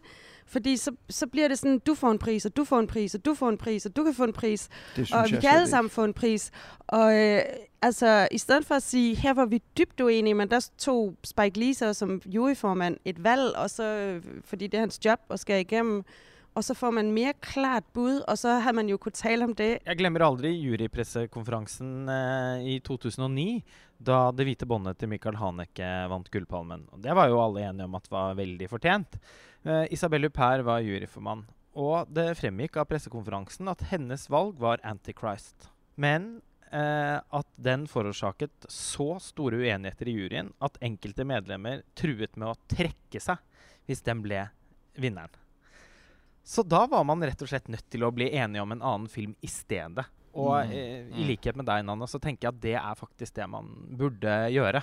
Eh, selv om det på sitt kjedeligste kan eh, resultere i sånne eh, ja, mm, priser. da. Men så fyrige uenigheter har det åpenbart ikke vært i år, da. For de har vel hatt det så hyggelig òg. At den uenigheten har ikke tatt form av sterke eh, Nej, altså det påstod de i til øh, pressekonferencen. De blev ved med at sige, at vi har diskuteret, vi har ikke skændtes, altså vi har ikke kranglet, vi har, øh, vi har passioneret diskuteret film. Nu synes jeg også, at jeg synes heller ikke, man kan kalde øh, Harnikes det hvide bånd for et kedeligt valg. Nei, altså virkelig ikke. Det, det ble jo helt fantastisk. Jamen, det er det, jeg mener. den. Så jeg mener Men bare, der at der er kompromiset jo... Kompromissløse kandidater. Ja, og den ene præcis. kunne juryen faktisk enes om. Ja. Mens den andre, som ville Men- vært et men- enda dristigere valg, den ble for tøff for fellesskapet. Men, men jeg, jeg, jamen, jeg ved det ikke. Jamen, jeg, jeg er sgu meget uenig i det der med, at, at, at, at, det, at det viser sådan en ubeslutsomhed. Tværtimod, så viser det, så viser det jo bare, at de her... Nu kan jeg simpelthen aldrig huske, hvor mange mennesker der var. Er der syv mennesker i juryen i år? Nej, der er At- ni. Er der er ni? det ikke? Ja, det er Altså, ni. der er, For der er fem kvinder og fire mænd. Ja, så, så der er de her øh, ni øh, forskellige, meget forskellige kunstneriske temperamenter, øh, menneskelige temperamenter og alt muligt andet, som, som ligesom har sat sig ned og disku- set de her film og diskuteret det, og er så... Det virker jo nærmest som om, de hver især har fået en film på ja. Ja. en eller anden måde.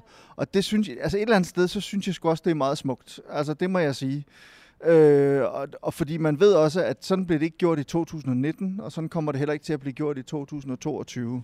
Og derfor er det sådan, at hver gang man sådan ligesom siger, at det er et kedeligt år i Cannes, eller det er en forkert beslutning af juryen, og Cannes Film Festivalen er helt fucked, og alt muligt andet, så ved man jo også bare, at næste år, så er det jo noget fuldstændig andet. Så det, det, er, så, det er så svært, det der med at, at, at sidde og, og, og, og brokke sig over det på den måde, synes jeg. Ja. Før vi skal videre til Grand Jury Prize, som også er en delt pris, og så skal vi jo snakke mer om Gullpalmevinneren, så har jeg lyst til å gi ordet til Lars Ole, fordi det skjedde noe også veldig hyggelig på prisutdelingen i kveld, og det var at den ganske høythengende debutantfilmprisen, Gullkameraet, den deles jo ut til en debutantfilm som vises i en hvilken som helst konkurranse, og også sideprogrammene Kritikeruken, Kanzan, Ansetta og hovedkonkurransen. I noen tilfeller er det jo også debutfilmer der. Og siden vi har beveget oss ganske sånn tett opp mot det offisielle programmet i år, Lars Ole, så var det jo litt lotto om vi hadde sett vinneren av Gullkamera. Men det ble den filmen som du en ettermiddag valgte å se på blankt, uten noe annet enn plakaten å måle etter, Wow. i Kanzen. Så kanskje har du lyst til å fortelle oss litt om den filmen som vant eh, Gullkamera? Ja, 'Murina' av Antoneta Alamat Kusijanovic. Eh, og den handler om en jente i slutten av tenårene som bor sammen med sine foreldre ute på en sånn kroatisk ferieøy. Og sammen med sin far så eh, jakter hun på det vanvittig skumle undersjøiske dyret murener. Som mange fra min generasjon eh, forbinder med Den lille havfruen, altså Disney-filmen. Eh, skurken der, Ursula, har to murener som eh, eh, sine tjenere. Og vi skjønner etter hvert da at eh, hennes far er en forferdelig kontrollerende og til dels voldelig og sviktende omsorgsperson.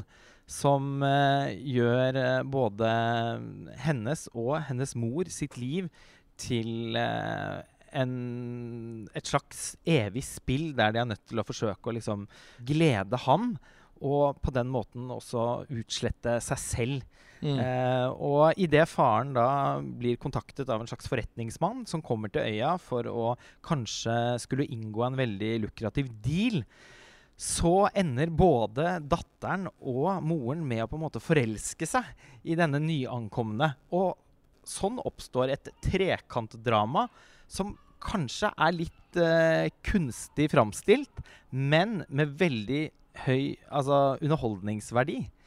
Og eh, til syvende og sist så blir det egentlig en ganske eh, Altså en, en, en emosjonell film om sosial kontroll. Samtidig som den da også virkelig eh, velter seg i de fantastisk pittoreske omgivelsene. Mm. Og inkluderer sikkert en halvtime med vanvittig teknisk imponerende undervannsscener. Eh, jeg så at filmen var koprodusert av Martin Scorsese, så her har han åpenbart spottet et filmskapertalent. Og det talentet får virkelig liksom vist seg fram med den egentlig litt sånn såpeoperaaktige historien som utgangspunkt. Og jeg endte med å, å like den filmen innmari godt. Og det skyldes også skuespillerprestasjonene, som jevnt over er veldig, veldig bra. Jeg fikk jo litt av denne bøssen rett fra deg den ettermiddagen. Du var veldig fornøyd. Du tok en sjanse, og så kom du gledesstrålende tilbake. Og den var god! Dette var liksom det. Ofte så kan man bli så eh, lykkelig over at noen filmer liksom velger å dyrke noe helt sånn eh, spesifikt. Altså, hvordan jakter man på murener? Altså, hvilke, har, hvilke våtdrakter benytter man seg av? Hvilke harpuner bruker man? Sånne ting gjør meg veldig sånn umiddelbart interessert. Og den hadde virkelig den effekten på Jeg er veldig meg. glad vi fikk en anledning til at du kunne i hvert fall fortelle litt om den. Fordi Gullkamera er en sånn pris som Det er jo ikke alltid det har blitt gitt til en filmskaper vi får se mye til senere. Og andre tilfeller, sånn som Miranda July f.eks., selv om hun ikke har laget så mange filmer, så det var liksom markant stemme, hennes debut den gang og så videre. Og og ofte skjenkes den prisen en film jeg ikke er enig i at skal vinne den. Ja. Eh, det, har, Det er mange debutanter i Cannes som ikke har fått den, som har blitt for store ting. eksempel Julia Ducournau for Raw i 2016, som til dags dato er en av mine største Cannes-opplevelser noensinne. Jeg så den på premierevisningen i Kritikeruken, og altså Jeg, jeg, jeg var helt eh, euforisk. Altså, jeg svevde ut av den salen etterpå og tenkte at nå har jeg opplevd en umiddelbar horrorfilmklassiker som kommer til å bli et referansepunkt for rest, i resten av filmhistorien. Og så gikk hun hen og vant Gullpalmen i kveld for sin andre film. Tenk på det. Jamen, jeg vil have lyst til at sige, at der er en dansk skuespiller med i uh, Camera Door-filmen. Uh, Danica Tucic. Ja, Kucic. Danica Surkic. Ja, det var jeg dro definitivt kjenselen på henne. Ja. Men hun har vel eh, også en annen bakgrunn enn dansk, eh, vil jeg tro. I og med at hun snakket Nei, altså Hvis noen er danske, da er de danske. Eh, Nanna og Christian har påpekt det tidligere. Joakim jo- Trier, som var dansk far, han Jeg- er dansk, så Forbinder også henne med dansk film. Ja, Jeg, jeg tror, hun er født og opvokset i Danmark, men hun har vist nok serbiske, Ja, det er serbiske, serbiske rødder. Serbisk, ja. Ja. Ikke kroatisk. Mm. Nei. Så det var bra du fikk fortalt om det. Og, og, og denne Grand Jury Prize, som også ble delt, som vi må nå gå innom hvis vi skal gå gjennom alle prisene, eh, den ble jo da eh, en slags sånn feil nummer to fra scenen i kveld, da. For ikke bare så offentliggjorde Spike Lee gullpalmevinneren før noe hadde egentlig begynt, men da de skulle offentliggjøre The Grand Jury Prize, så ga de jo den eh, til Askar Farhadi for A Hero. En film mange hadde spådd at kanskje var da gullpalmevinner. Eh, så viste det seg at den fikk den andre prisen. Og så etter at Farhadi har kommet opp på scenen og applausen har lagt seg, så ta, Jeg vet ikke hvem det var som tok Det var mikrofonen. Maggie Gyllenhaal. det var Maggie Gyllenhaal, ja. Som bare sånn um, There's actually two winners for this award as well. og da ropte hun opp den finske filmskaperen Juho Kuosmanen og hans film Hytti nummer seks, som vi har faktisk snakket om i en episode av Filmfrelst eh, litt tidligere på festivalen. Jeg likte veldig godt. Og han har også da bare laget sin andre film, akkurat som Julia Ducournau. da. Så i den grad vi nå var inne på sånn debutantfilmtematikk og det å oppdage nye filmskapere i Cannes, så er det faktisk to av de som nylig hatt sine første filmer i Cannes. Kuosmannen vant jo hovedprisen i en Zetan Regar for Oli Mekis 'Den lykkeligste The dagen i day ja, in the life of Oli Jeg sier denne tittelen feil hver gang. Ja, Men, men men eh, denne Grand Jury Prize, altså Ja. Farhadi og Kuosmannen, eh, er dette filmer dere fikk sett under festivalen? Ja. ja. Ja. Nanna, hva jeg, syns du om jeg de delte den prisen? to. Ja. Og altså, jeg er i særdeleshed glad for at se øh, uh, Jo Kosman få en pris og stå på scenen, og han var så utrolig rørt. Og, øh, altså, der var sådan et meget smukt øjeblik, hvor han siger, efter Asger Farhadi har holdt en lang tale, og han fik jo ligesom the spotlight først, og fik måske det meste applaus. Og så kom han op og siger, at jeg ved slet ikke, det er helt surrealistisk at stå her. Og jeg kunne virkelig godt lide din film, Asger Farhadi. Og så mm. giver de hinanden, de to mænd giver hinanden en stort kram på scenen, et stort klem på scenen. Og det var, det var bare så rørende og fint, fint og, øh, og inkluderende og anerkendende. Og, og på trods af, at de har lavet altså, utrolig forskellige film. Altså, Mm. det er jo ikke på nogen måde, de ligner hinanden.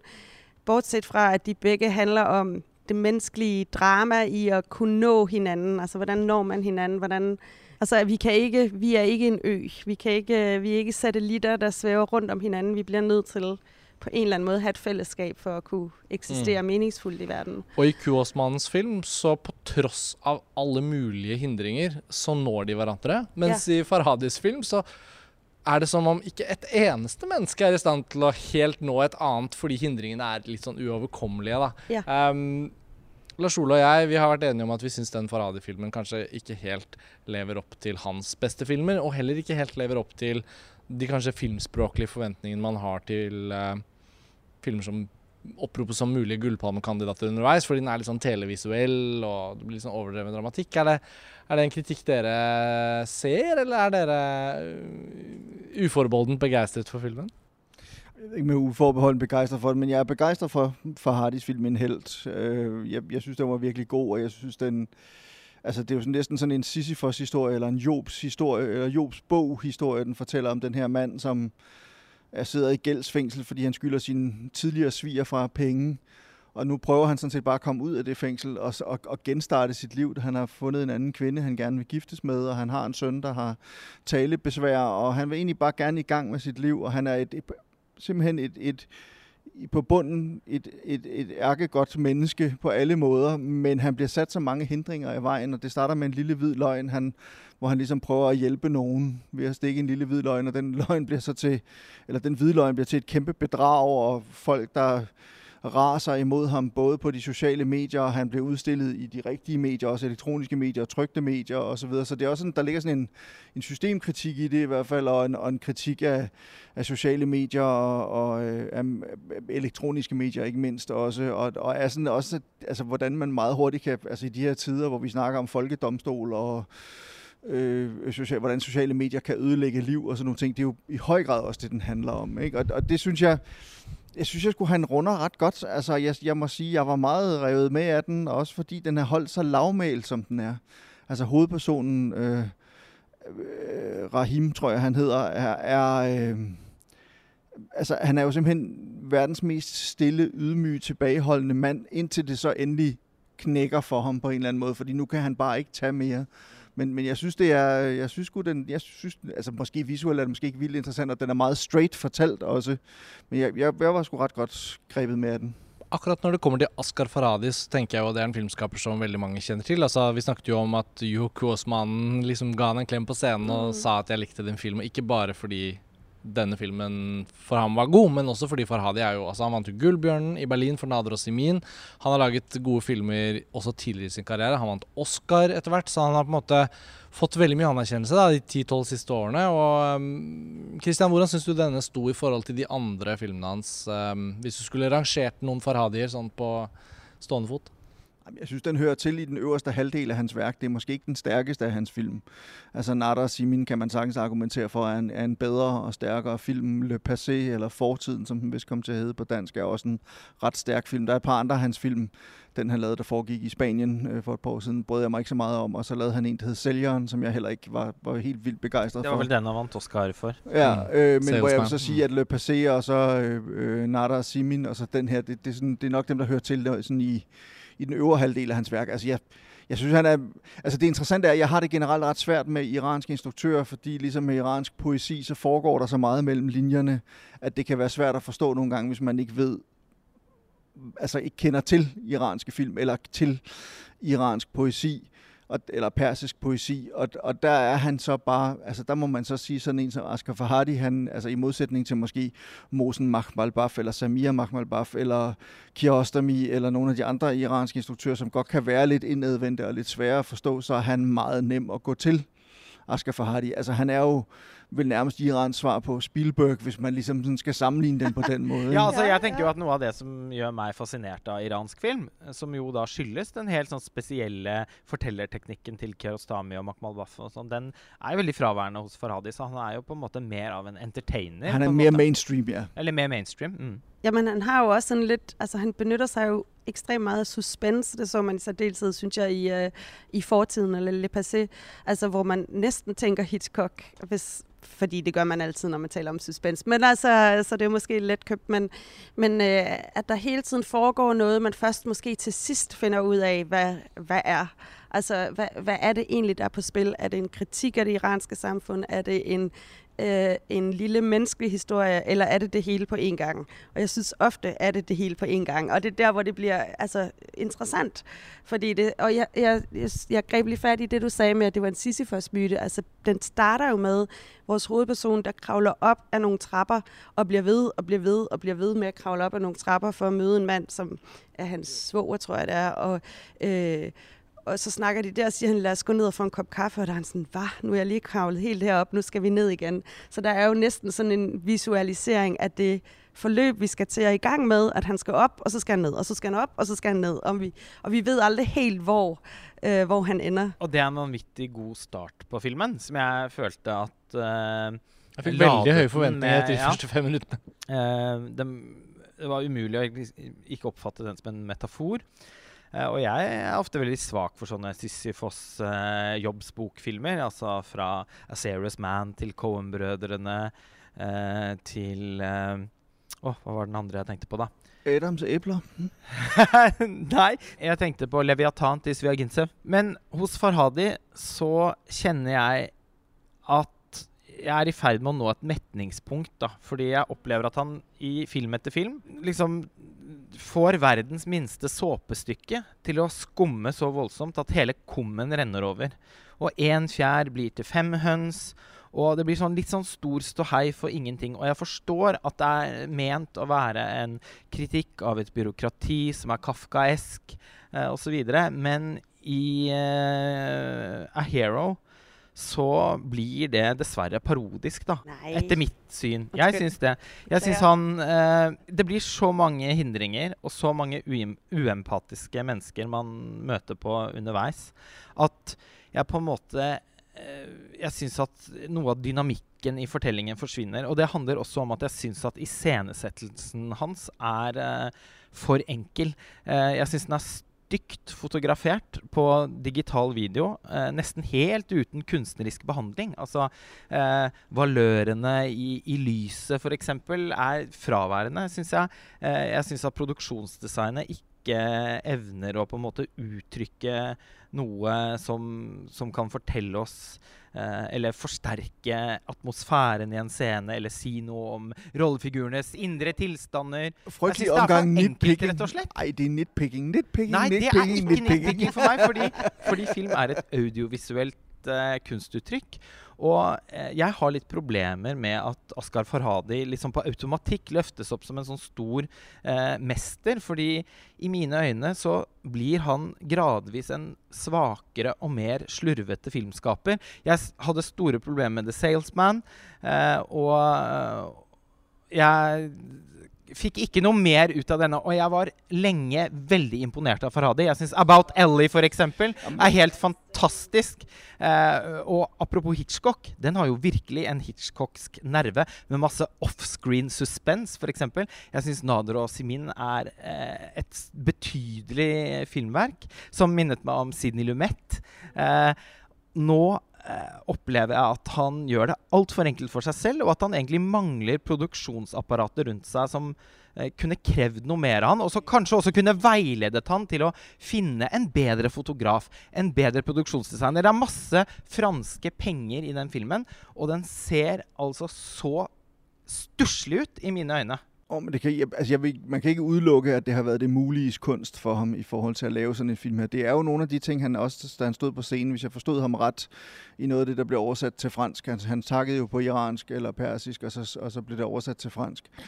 Øh, så, så er det jo noget af det, han snakker om, de, de, de svære vilkår, som, som iranske filmkunstnere blandt andet arbejder Ja, men det trenger jo ikke handle om håndværket. Det er jo ikke sikkert, det har været muligt for ham. Det kan sagtens være, der har været... Altså, du aner jo ikke, du kender jo ikke noget til Nej, altså, produktionsvilkårene i forhold til det her. Fra min side, Og derfor vil jeg sige, det kan sagtens være, altså jeg, ikke fordi jeg vil argumentere eller, eller diskutere eller sige imod, at du kan have ret i nogle af alle de ting omkring det visuelle. For mig at se, der synes jeg, at den øh, øh, og i scenesættelsen, men jeg synes, jeg, synes, jeg synes bare, den var så effektiv, og jeg synes, jeg, jeg, jeg synes, den var så afdæmpet. Altså, jeg synes netop ikke, det kan godt være, at den var sådan, visuelt var tv-agtig, men jeg synes, historien var virkelig velfortalt, netop fordi han undgik alle de faldgrupper, man meget nemt kan falde i, når man skal lave et drama som det her, så det meget hurtigt kan blive et melodrama. Jeg synes, han holdt sig langt fra alle de ting, og jeg synes, at det, den gode iscenesættelse ligger for mig også i, at han får fortalt et, en historie om en mand, et menneske, som kæmper for sit liv, samtidig med, at han får fortalt om et system, og så, som, som ikke fungerer. Og så snakker du om alle de der mennesker, ubehagelige eller usympatiske mennesker og sådan noget, men faktisk er der jo en masse mennesker, der gerne vil hjælpe ham. Det viser sig bare, at der er mange af dem, der har deres egne motiver, og i det øjeblik, Deres egen hvor, agenda, som blir viktigere da, og så i det øjeblik, at, at, øh, at han det er bliver taget i en hvid løgn, så afsværger de ham, så siger de, du ved, så giver de ham ligesom kniven og siger, det vil vi ikke have med at gøre, Men tenker du at hvis os. Farhadi hadde ikke bare eh, videreført, men kanskje til og med også utviklet den filmspråklige elegansen fra f.eks. About Ellie eller Nadia Sumin, ville ikke det gjort filmen enda bedre? Det vil det. Men jeg synes, at øh, det, som Farhadi han kan, det er, altså, det er ligesom at forestille sig, at man står i sådan en bazar i Marrakesh, og der er folk, der råber alle steder, og der er lyde alle steder, og der er nogen, der vil, øh, please madame, special price for you, og man ved ikke helt.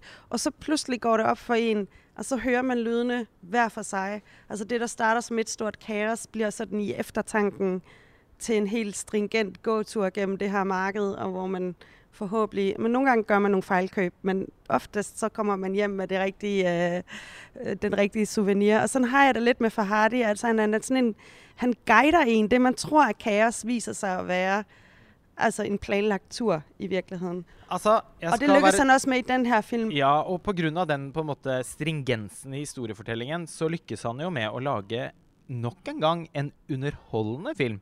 Jeg var også på en måte eh, på et overfladisk plan engasjert av eh, The Salesman. Men jeg var ikke imponert av, eh, av det kunstneriske uttrykket. da. Så til slutt klarte Spike Lee, da, med god hjelp av Sharon Stone, å presentere Gullpalmen fra scenen i kveld i Palasset. Og um, vi har jo faktisk ikke snakket ordentlig om Titan ennå, så det hører jo hjemme nå å gi den filmen litt taletid.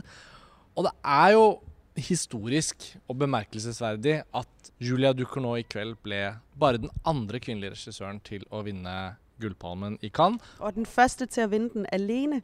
Ja, Fordi Jane Campion vandt jo i 93 for The Piano, men der delte hun prisen med Jen Kaige for Farewell My Concubine. stemmer. Så hun er altså faktisk den første, der vinder Wow. den Fy faen, så kult. punktum.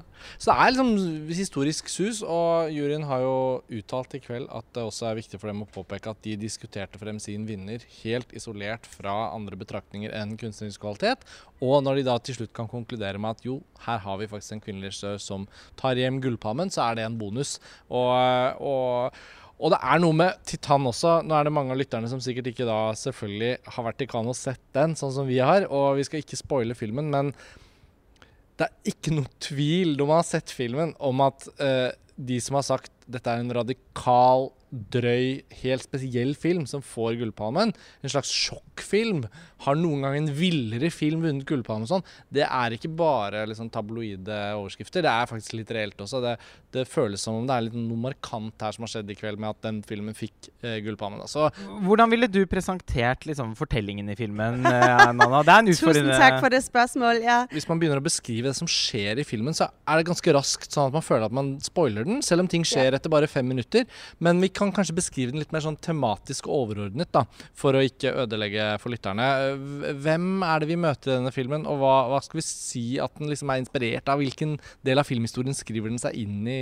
Ja, men det er vel sånn litt Cronenberg, og man kan jo ikke la være med å tenke på Crash, eller altså hans film, fordi at altså, der er jo noe autoerotikk. Altså ja, Det er et flott begrep. Ja, det er, Auto, er autoerotikken tilbake. Præcis. Kan vi si og selvom det måske her får en lidt anden betydning, så øh, er det jo det, der er på spil. Altså, at man har et... Man tiltrækkes af maskiner, og maskinen og det kunstige, og så samtidig så er der et ekstremt behov for den rene menneskelige kærlighed. Og, og, og høre til et sted, og opleve anerkendelse som det menneske, man er om det er som mand eller kvinde, eller noget midt imellem. Ja, for i denne body horror settingen som Ducour nå presenterer oss for, så får vi også møte en hovedperson som er et veldig plaget vesen, og som mm. på veldig mange måter, og gjennom forskjellige transformasjoner i filmen, egentlig liksom blir en allegorisk diskusjon av kjønnsidentitet, av kroppsidentitet, og av en slags sånn seksuell kommunikasjon med verdenen rundt henne, som ikke alltid er andre mennesker, men som kan være biler, metall, kjøretøyer. Det er en veldig sånn skrudd verden, men filmen er likevel forankret liksom realistisk på en måte i vår verden. Det kan man jo vri på i film. Og i Raw, hennes debut, som du var inne på i stad, Lars Ole, gjorde voldsomt inntrykk på Cannes-festivalen i 2016 der er det jo en film som starter i det virkelige, og som gradvis mer og mer beveger seg over i på en måte en sånn myteverden, i det minste. da. Om ikke den blir helt sånn uvirkelig, så er den i hvert fall um, på et veldig sånn jordnært sted i starten, og ender opp på et ganske drøyt sted. Og den har en voldsom stigning. Og Det er kanskje den største forskjellen mellom Raw og Titan. Precis. At uh, Raw, som da også er en metaforisk body horror Det fins vel ingen body horror som ikke er metaforiske, på en eller annen måte. Eh, men den starter i en veldig sånn gjenkjennelig virkelighet. Og så utvikler den seg eh, langsomt, men skråsikkert i retning av noe man ennå ikke kan ane hva blir for noe. Så den pakker seg ut litt sånn kvadratmeter for kvadratmeter underveis. Og blir liksom på et tidspunkt så vill i sin historiefortelling og iscenesettelse at det er akkurat som eh, noen har liksom tatt av bisselet av et beist som bare får glefse seg framover. Å oppleve den dramaturgien er et helt vanvittig kick. I Titan så er fiksjonsuniverset skrudd opp til 11 med en gang. Og det vil jeg tro kan være vanskelig for uh, noen tilskuere. Jeg uh, holder det som en liten innvending mot filmen. At den uh, ved å gå så hardt ut og bare øke styrkegraden nesten hele filmen igjennom man kan si at den er litt sånn filleristende i den grad at man nesten er nødt til å på en måte bare Eh, Eh, legge til side refleksjonen mens man ser den, og så umiddelbart eh, begynne å tenke etterpå. Fordi For meg så var den filmen som liksom en ild som bare brant gjennom kroppen i 1 time og 38 minutter, tror jeg den eh, varer. Og det var vanskelig for meg underveis å få liksom eh, oversikt. Eh, og det er jo selvfølgelig også en del av poenget med Ducournau sin fortellerstil at den nesten blir sånn simulatoraktig, og at vi kommer så uh, fysisk tett på uh, hovedpersonen og blir med på hennes transformasjoner underveis. Uh, må, først som sist altså må det bare sies at filmskapingen her er helt utrolig. Og det var den jo da også i, allerede i debutfilmen Raw. Jeg husker at jeg tenkte at det, det, kan nesten ikke være sant at dette er hennes første film, for hun er liksom bare fiks ferdig. Det er så enormt imponerende visuelt, og det er så vilt bra klippet. Eh, og det er et lyddesign som eh, gjør at man reagerer en sånn kroppslig når man ser filmen. Jeg, jeg opplevde at hun var en mesterregissør på første forsøk, og det er hun også i 'Titan'. Men eh, jeg vil at i Cannes har jo også signalisert at det er en, en mer polariserende film. På denne screen-griden som vi refererer til støtt og stadig, så fikk den jo en eh, sjokkerende lav rating. Jeg tror den har 1,6 i snitt. Blant de laveste i årets hovedkonkurranse. Og det er jo bare helt latterlig. Men det sier noe om at mange vil blir liksom støtt litt ut av filmen eh, før de i det hele tatt liksom får muligheten til å komme inn i den. Ja, men jeg tror, altså det er jo, du spurte jo, hvordan man skulle beskrive filmen. Det er jo faktisk en film om en seriemorder. Altså en seriemorder, som stikker av fra politiet. Det er det, den handler om. Og så underveis så sker der noen veldig mystiske ting. Øh, og næsten modsætning til det, I fortæller om Raw, som jeg desværre ikke har set, så er det som om, den starter super kunstigt. Det er næsten som at være et computerspil i begyndelsen. Mm. Den starter i sådan en bilshow, hvor vores hovedperson er sådan en sådan erotisk danser, vil man vel kalde det. Altså, hvor hun øh, i meget lidt tøj danser øh, vældig frivolt og frimodigt øh, rundt på biler. minner litt om en japansk animefilm, Ja, egentlig. og der, og der starter det sådan helt kunstigt, og der er nogle voldsomme scener. Øh, og så øh, flygter hun fra politiet og øh, øh, finder tilflugt hos øh, en mand, som har mistet et barn. Og der begynder det at udvikle sig mere menneskeligt. Altså han bliver på en eller anden måde udtrykket for øh, den menneskelige kontakt, som hun aldrig har haft. Så, så der er næsten den modsatte udvikling fra det vildt kunstige og urealistiske til, at der opstår et eller andet mere genkendeligt humant. Mm, jeg er enig. Christian, det var jo en god anledning for deg til å ta en liten pause nå og bare høre på. Og innse hvor utrolig flott denne filmen er. Jeg har holdt op med at høre efter, hvad I siger. Vi vet jo at du har noen innsigelser. altså Dette er jo det som gjør det så spennende å ha dere som gjester på podkasten. Nå får vi litt sånn uenigheter om Du har heller ikke sett Raw. Nej, jeg har heller ikke set Raw. Øhm, og jeg synes, altså jeg synes, det er et modigt valg at give den en, en, øh, en, en, en pris, en hovedpris, en guldpalme til Titanen, og jeg synes heller ikke, det er ufortjent. Især ikke, altså, og jeg synes også, det er fantastisk, at det er den, ja, som sagt, kun anden kvinde på 74 år, øh, der, der, der vinder, altså, eller i løbet af 74 år, der, øh, der vinder en, en, øh, en hovedpris i Cannes. Men jeg må sige, at, at jeg havde sgu nogle problemer med, med filmen. Jeg er meget, meget stor David Cronenberg-fan. Og jeg synes, at hun... Øh, jeg synes, hun lever meget højt på sin betagelse af, og måske også parafrase over Crash og over Cronenberg et eller andet sted i et langt stykke af vejen i den her film. Jeg synes faktisk, at den første halvdel af filmen er den bedste. Altså der, hvor alle andre åbenbart synes, at den bliver virkelig god, det er der, hvor jeg så begynder at stå af. Fordi jeg synes i modsætning der, til... Lindon kommer på banen og... Jamen, jeg synes i modsætning til Nana, som siger, at, at det der, det menneskelige kommer ind, jeg, altså jeg, har, jeg synes, det er lige så kunstigt som alt det andet, kan man sige. Og Vincent Lindon, er, Vincent Lindon, altså hans rolle i filmen, altså han pumper jo sig selv fuld af steroider, er jo lige så meget i gåseøjne en maskine, som alt muligt andet i filmen er. Altså, der ligger jo også hans forsøg på transformation, eller hans forsøg på at, at blive supermenneskelig, og han er jo brandmand og kaptajn for en masse unge rekrutter og sådan noget, eller chef for en masse unge brandmandsrekrutter, og skal ligesom være den store he og han har ikke rigtig kræfterne længere, han er ved at blive for gammel og sådan noget, så pumper han sig fuld af, af steroider, simpelthen for at få, se ordentligt ud, og måske også få de kræfter, han ikke rigtig synes, han har, og sådan noget. Så jeg, Nogle vældig fine scener. det ved jeg ikke, jeg synes faktisk, det er meget, meget, meget, meget ubehagelige scener at se på der, hvor han står og pumper sig med. Altså, det, det, jeg synes, det gør fysisk ondt at se de der scener. Så, så, Men det der er en virkelig- kvalitet at de gjør fysisk Ja, men det, det er jeg enig i. Jeg synes, og, det, og som sagt, altså, i forhold til, altså, det har jeg også sagt flere gange, ikke her, men alle mulige andre steder, jeg synes, der er meget at beundre i filmen. Og der er scener i den, man ikke kommer til at glemme forløbig. Men der er også noget sjovt nogle gange, når, når I snakker om det der med, at det er en chokfilm, og man har snakket om, at det er det store visuelle chok, I kan, og det ene og det andet. Der er ikke noget i den her film, jeg ikke har set før værre.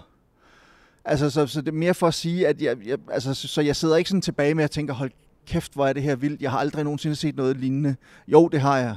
Jeg har set det hos Cronenberg, jeg har set det hos mange andre instruktører, exploitation-instruktører, og det er jo også meget interessant med hende, for hun leger jo med exploitation og sexploitation og alt muligt andet exploitation i den her øh, film. Altså hun prøver virkelig nogle ting af, og jeg vil sige, det er meget interessant, når du siger, Lars Ole, det der med, at hendes første film, Raw, der fik du fornemmelsen af, at her var en fix og færdig filmskaber, der ligesom bare plop lavede den perfekt film med, med sin første film.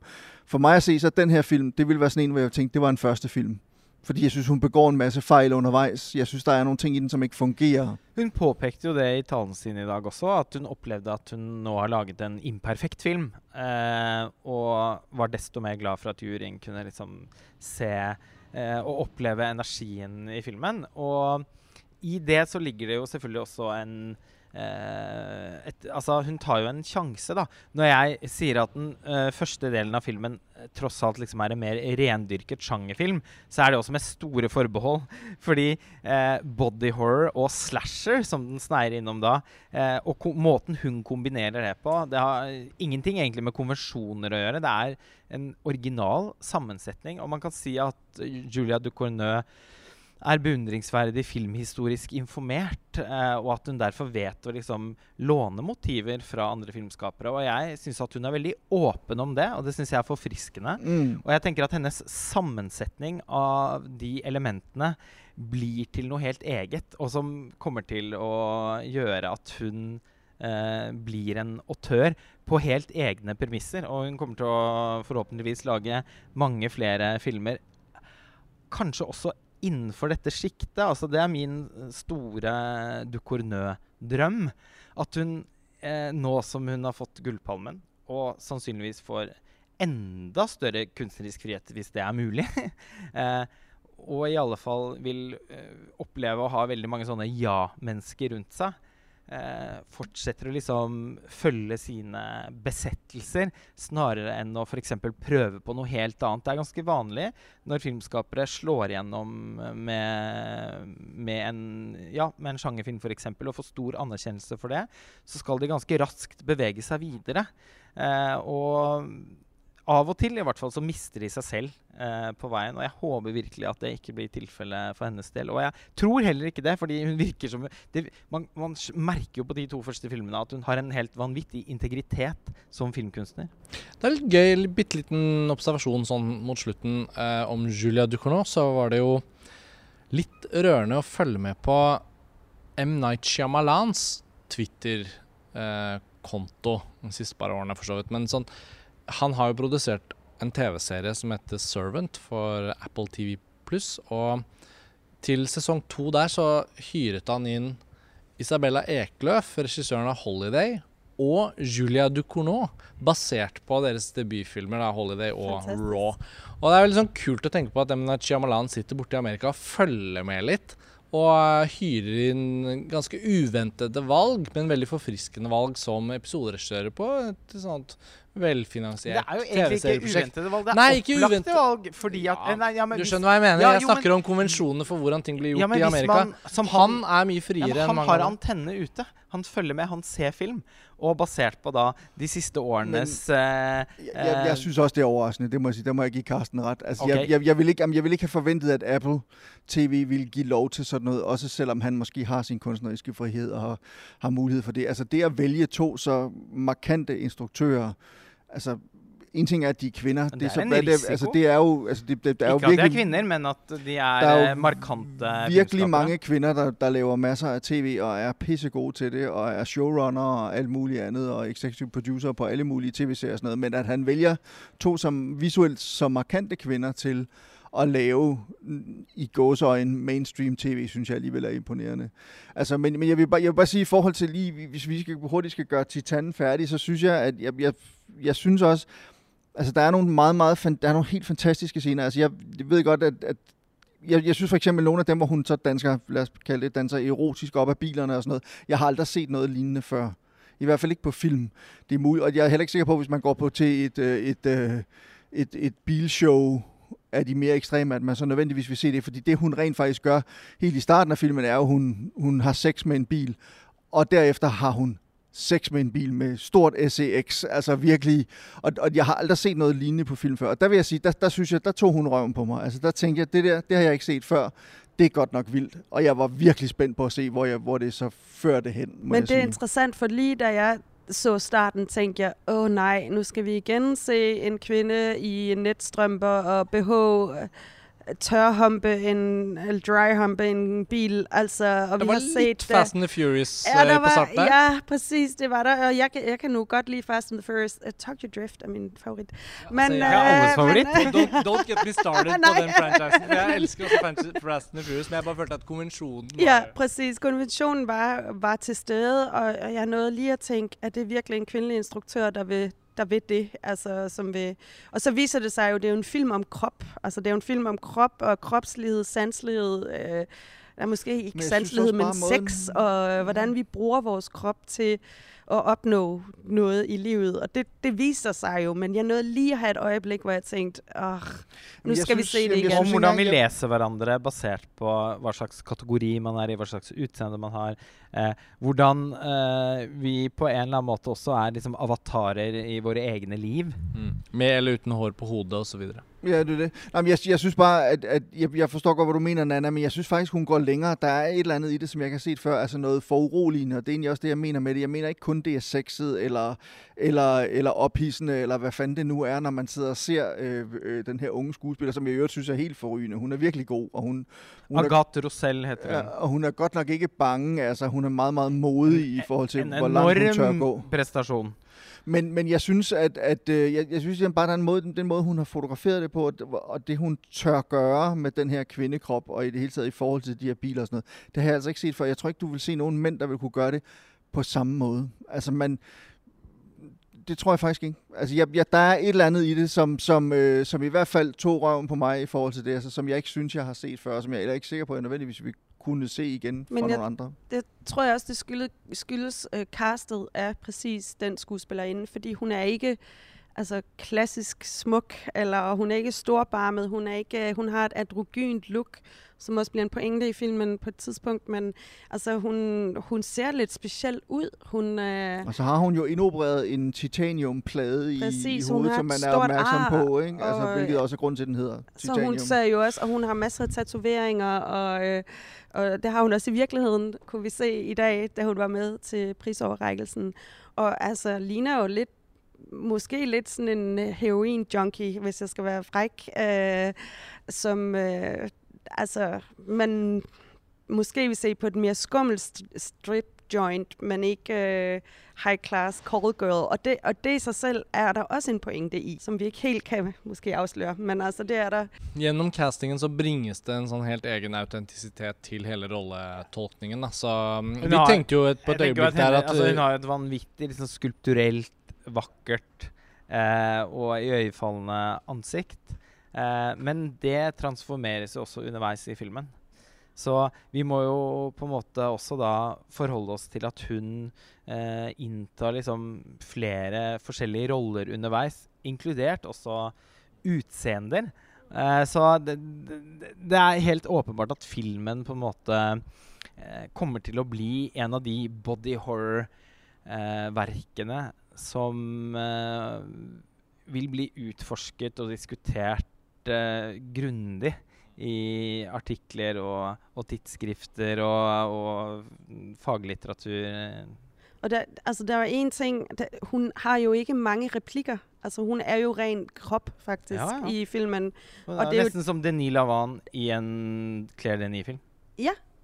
Og, Eller en Leos Carax-film, for den saks skyld. Jamen, Kanskje i enda større grad. Præcis, jamen præcis. Øh, men Lewis Carax ville have gjort det helt udvendigt. Altså, jeg tror ikke, han havde kunne øh, instruere Vincent Lindon på, på samme øh, følsomme måde, som han, i hvert fald den måde, han fremstår på i filmen med, med følsomhed. Kvelden i kveld har uansett vært en stor feiring av det Julia Ducournau har oppnådd med Titan. Og alle de andre prisvinnerne vi har vært innom, er sikkert nå ute i landskapet rundt omkring her i Cannes og feirer og drikker drinker osv. Og, og vi nærmer oss jo nå slutten av episoden og må på en måte komme i litt sånn oppsummerende modus. Vi var jo innom Renate Reinsve som vant for 'Verdens verste menneske', Lars Ole. Um, og det har vært en begivenhet i seg selv før vi avslutter, er det noe dere brenner inne med nå med tanke på årets utgave av festivalen, kvelden i kveld med alle prisene osv.? Er, det- er det noen ting vi burde Noen bevingede ord sånn helt til slutt? Jeg, jeg synes kun, jeg kan ikke huske, om vi har sagt det før, men altså, øh, som altså, Ducournau, hun sagde fra scenen, det der med, at det var den perfekte aften, fordi det ikke var perfekt. Og så har hun jo så åbenbart også sagt, at hendes egen film var heller ikke perfekt, så det var hun glad for, at juryen kunne se. Altså på en eller anden måde, så synes jeg, det var den, altså det, alt det råd, som Spike Lee han afsted kom ved at læse ja. vinderen op så tidligt, det blev på en eller anden måde gjorde det bare endnu større fejring og endnu stærkere fejring af, af filmen, synes jeg, og, og et år, som i forvejen har været mærkeligt, fordi corona og covid-19 jo også har ligesom spøgt hele tiden i baggrunden med folk, der skal testes som mundbind på inde i salene, og når man skal se film, og så videre, så videre, så videre, ikke? Så, altså, og så er der også der er sådan et eller andet uvirkeligt. i det. Jeg ved godt, nu skal vi ikke stå her og snakke om ulykker, men vi, vi, står, vi står her dagen efter, der har været de her gigantiske øh, ulykker i Tyskland og i Belgien med oversvømmelser og alt muligt andet. Og så det er også det noget af det, der minder en om, hvor uvirkelig kanden er. Altså, at det er sådan en boble af eventyr, vi befinder os i i 14 dage. Og så pludselig så bliver der prikket hul her den sidste aften, både fordi Spike Lee han gør alt det, han gør, men også fordi verden ligesom presser sig på udenfor, både med, med, med corona, men også med, ja, med klimaforandringer, og jeg ved ikke hvad. Mm, ja. Ja. Jeg synes, man, øh, altså, hvis aftenen skulle have været helt fuldendt, så skulle der være kommet en rev på scenen, der havde sagt Chaos Reigns. og, og der havde man været helt øh, høj på, at det er det, der sker i, i Cannes, og også skete i år. Så Lars von Trier var egentlig det eneste som manglet? Ja, eh, faktisk, ja. Jeg tenker at det eneste som manglet, var at verdens verste menneske vant en pris til. Altså, når Renate Reinsve mottok prisen for beste kvinnelige skuespiller, så, had, så var det jo avklart at filmen ikke kom til å vinne Gullpalmen. Men Spike Lee sørget jo for at det var avklart umiddelbart. Men det betød jo ikke at filmen ikke hadde muligheten for å ta imot én pris til. Og jeg satt faktisk i det lengste og håpet på det. Joakim Trier var også til stede i salen. Og eh, jeg syns nok tross alt at den filmen da egentlig mottok litt for lite honnør. Jeg syns det er helt fantastisk at hun har vunnet den prisen. Eh, det er en av de Åpenbart en av de fremste rolleprestasjonene vi har sett i norsk filmhistorie. Og jeg syns det er Altså, jeg er veldig glad for at juryen har klart å liksom avlese subtilitetene i hennes spill. Fordi det er ikke en sånn eh, typisk Oscar-performance med eh, mange liksom opprivende, emosjonelle scener og hulkegråt og det, Apropos hvordan vi liksom snakket om hennes eh, karakter da, eh, tidligere i episoden, så står det veldig respekt at de har klart å se nyansene og kvalitetene i hennes spill. Så det er jeg Og det er helt Altså, dere som eh, er danske filmkritikere, er jo bortskjemte med at danske filmer skjenkes eh, stor anerkjennelse på Cannes-festivalen. For oss så er dette faktisk helt nytt. Eh, det er første gang en norsk film vinner en, en pris i hovedkonkurransen eh, i Cannes, og jeg tenker at det er Eh, det, er, jeg synes det er svimlende fortjent. Men eh, jeg syns virkelig at den filmen hadde fortjent enda en pris. Selvfølgelig fordi at jeg anser den for å være den, den, den mest fullendte og og egentlig også liksom kunstnerisk ambisiøse filmen i konkurransen. I alle fall ved siden av Titan, for den er jo så enormt kunstnerisk ambisiøs, men bare på en helt annen måte. Altså, Joakim Trier spiller eh, i et helt annet orkester enn Julia Ducournau, og eh, at han for, Altså, jeg syns han skulle vunnet ja, men jeg syns han skulle vunnet den regiprisen. Og ikke minst foran Leos Carax for Annette, som jeg syns er hans eh, minst vellykkede film. Jeg får også frysninger på huden av at det er et historisk norsk øyeblikk som har skjedd i kveld for norsk filmhistorie osv. Men det er også litt sånn påfallende å tenke på at den prisen for beste kvinnelige skuespiller, da, den har jo ikke så ofte gått til nordiske skuespillere. Kati Otinen fikk den i 2002, og Bjørk fikk den i år 2000. Og så fikk Pernille Augusten der på tidlig på 90-tallet. Men utover det så For, skal eh, du Den gode ganske- William, da, eller? Ja, det jeg tror det var For det. den vant jo også Gullpalmen, men før var det jo mulig for Gullpalmenvinnere også å ta imot Ja, flere men. Liv Hun Ullmann, for eksempel. leverer i alle fall en helt skjellsettende prestasjon i den gode Viljan. Men Liv Ullmann, for eksempel, som er jo vår mest beundrede og internasjonalt kjente filmkunstner, hun har jo i- hun har vært jurypresident i Cannes, men hun har ikke vunnet en skuespillerpris i Cannes. Og så vant jo Bibi Andersson og en gjeng av de der Bergman-skuespillerne vant i gamle dager, da, på 50-tallet. og sånt. Men det er litt flott. Det er en virkelig det er en arv i den prisen som Renate Reinsve nå skrev seg inn i, så det blir man litt stolt av, da. Vi skulle have en, øh, en dansk film med Trine Dyrholm i hovedrollen i hovedkonkurrencen. Der tror jeg også, at øh, der kunne komme en pris til, til Danmark. Trine I- Dyrholm. I den kategori. på Trine Dyrholm-nivå. Hun er jo en skuespiller som feier gulvet med veldig mange andre eh, hvert eneste år hun har en ny film. Hun er helt fantastisk. Men, men desto mer eh, beundringsverdig syns jeg det er at juryen eh, nettopp har klart å eh, verdsette en eh, pr- rolleprestasjon som, som er eh, litt mer dempet enn f.eks. det Trine Dyrholm til vanlig byr på. Og man kan sige, det var også et år, hvor der var mange film med altså stærke kvindelige hovedroller.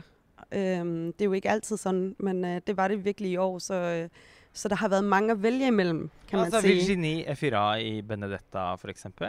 Det er jo en film vi ikke Helt avslutningsvis Jeg kjenner bare at jeg er så nysgjerrig på våre danske kollegers opplevelse av den filmen. Igjen har vi spilt inn en hel episode av den som blir publisert på et senere tidspunkt. Men hva er liksom deres take på Benedetta? Den endte jo ikke opp med en eneste pris. Men uh, er eh, stadig vekk, uh, vet jeg, blant uh, mine og Karstens favoritter i hovedkonkurransen. Jamen, lad os gøre det kort. Jeg synes, den var skidegod. Brilliant film. Nonne sex, what's not to like? Ja, men nu blev jeg helt... Øh, altså, hvis det er argumentet. Men øh, nej, men det var jo en vældig underholdende film, og, og den var jo simpelthen så morsom. Og, øh, på trods af, at den, altså, den er jo helt uheldig øh, og næsten blasfemisk, og jeg tror ikke, Vatikanet sætter den på i deres filmklub. altså, men... Øh, men den kan jo også noget, fordi den igen undersøger sådan forholdet mellem øh, åndelighed og, øh, og kødets lyster, som bliver ret interessant. Og så er den jo også en exploitation. Altså, det er jo en sexploitation på nogen måder film. Øhm, og det er jo altid underholdende. Om, altså man må sige, at, at Paul Verhoeven, Verhoeven, at når han er allermest øh, underholdende, så er han jo, så laver han film som Benedetta, eller han laver Starship Troopers, eller han laver Total Recall, eller Robocop. Eller Showgirls. eller Showgirls, de film minder alle sammen enormt meget om hinanden, fordi det de jo både er, de skal være underholdende, og de skal være sleazy, og de skal være exploitation og sexploitation-agtige, men samtidig så ligger der en samfundssatire og en samfund, samfundskritik i det, en systemkritik eller en civilisationskritik i det, som er virkelig skarp, og som går efter alt det, som han mener ligesom ikke fungerer, eller alle de grådige mennesker, der ligesom sidder rundt omkring og forsøger at udnytte andre mennesker. Det er jo dem, han går efter.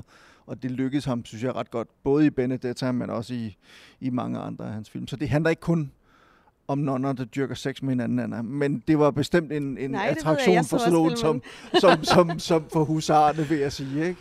Og med det sagt så har klokken passert midnatt her i Cannes. Vi sitter fortsatt i bakgården til ditt hotell, Christian. Og Nanna og Christian, det har vært en stor glede at dere har dedikert så mye tid i dag. Både i formiddag og underveis i dagen. Off the record og så on the record igjen. Og jeg syns det var veldig tilfredsstillende å få snakket oss grundig gjennom kveldens prisutdeling. Men med det sagt så føler jeg likevel vi må avslutte nå. Eh, vi skal pakke kofferter, og vi skal alle komme oss trygt hjem uten noe Eh, koronarestriksjoner på veien. Så mm, Lars Ole, Nanna, Christian. Jeg tror tiden er inne for å si takk for denne praten. Takk for årets festival. Veldig hyggelig å se dere i levende livet. Eh, og så får vi håpe da at eh, det byr seg en ny anledning, i hvert fall neste kan. Forhåpentligvis før. Dere er alltid velkommen til Norge, vet dere. Måtte dere få noen sånn tilbud om å komme og ha noe Q&A, så må dere bare si ja og dukke opp på våre kyster. Efter at have set verdens værste menneske, så overvejer jeg at flytte til Oslo. Ja, men godt å høre. Godt å det, høre. øh, Turistreklamen har gjort sin præcis. Altså, jeg har jo engang fulgt i Reprises fodspor i Oslo. og så simpelthen taget en tur, hvor vi var på de barer, hvor de var, og var, var i... Altså, alle de steder, hvor de var i, i Reprise. Og det må vi, kan vi jo måske gøre i Oslo nu med verdens fantastisk! menneske. Det, Ja. altså dette ante, vi kjenner hverandre ganske godt, Nanna. Det, nå blir jeg veldig rørt og imponert. Tenk at du har det. Og at det kunne være et fenomen i Danmark før Skam. Det var ikke før skam. Sorry to say. det var det Post-skam. ikke. Det var De skulle egentlig på ja. Men da følger vi deg gjerne med bom og lydmikrofoner og sånn eh, når du tar med Christian på reprisetur. Eh, tusen, tusen takk igjen, og eh, så høres vi igjen ved neste korsvei. Ha det bra, alle sammen, og ha det bra fra Cannes. Ha det bra. Ha det bra. Ha, ha det bra. Selv takk. Tusen takk. Tusen takk. Tusen takk. Hei på fjellet.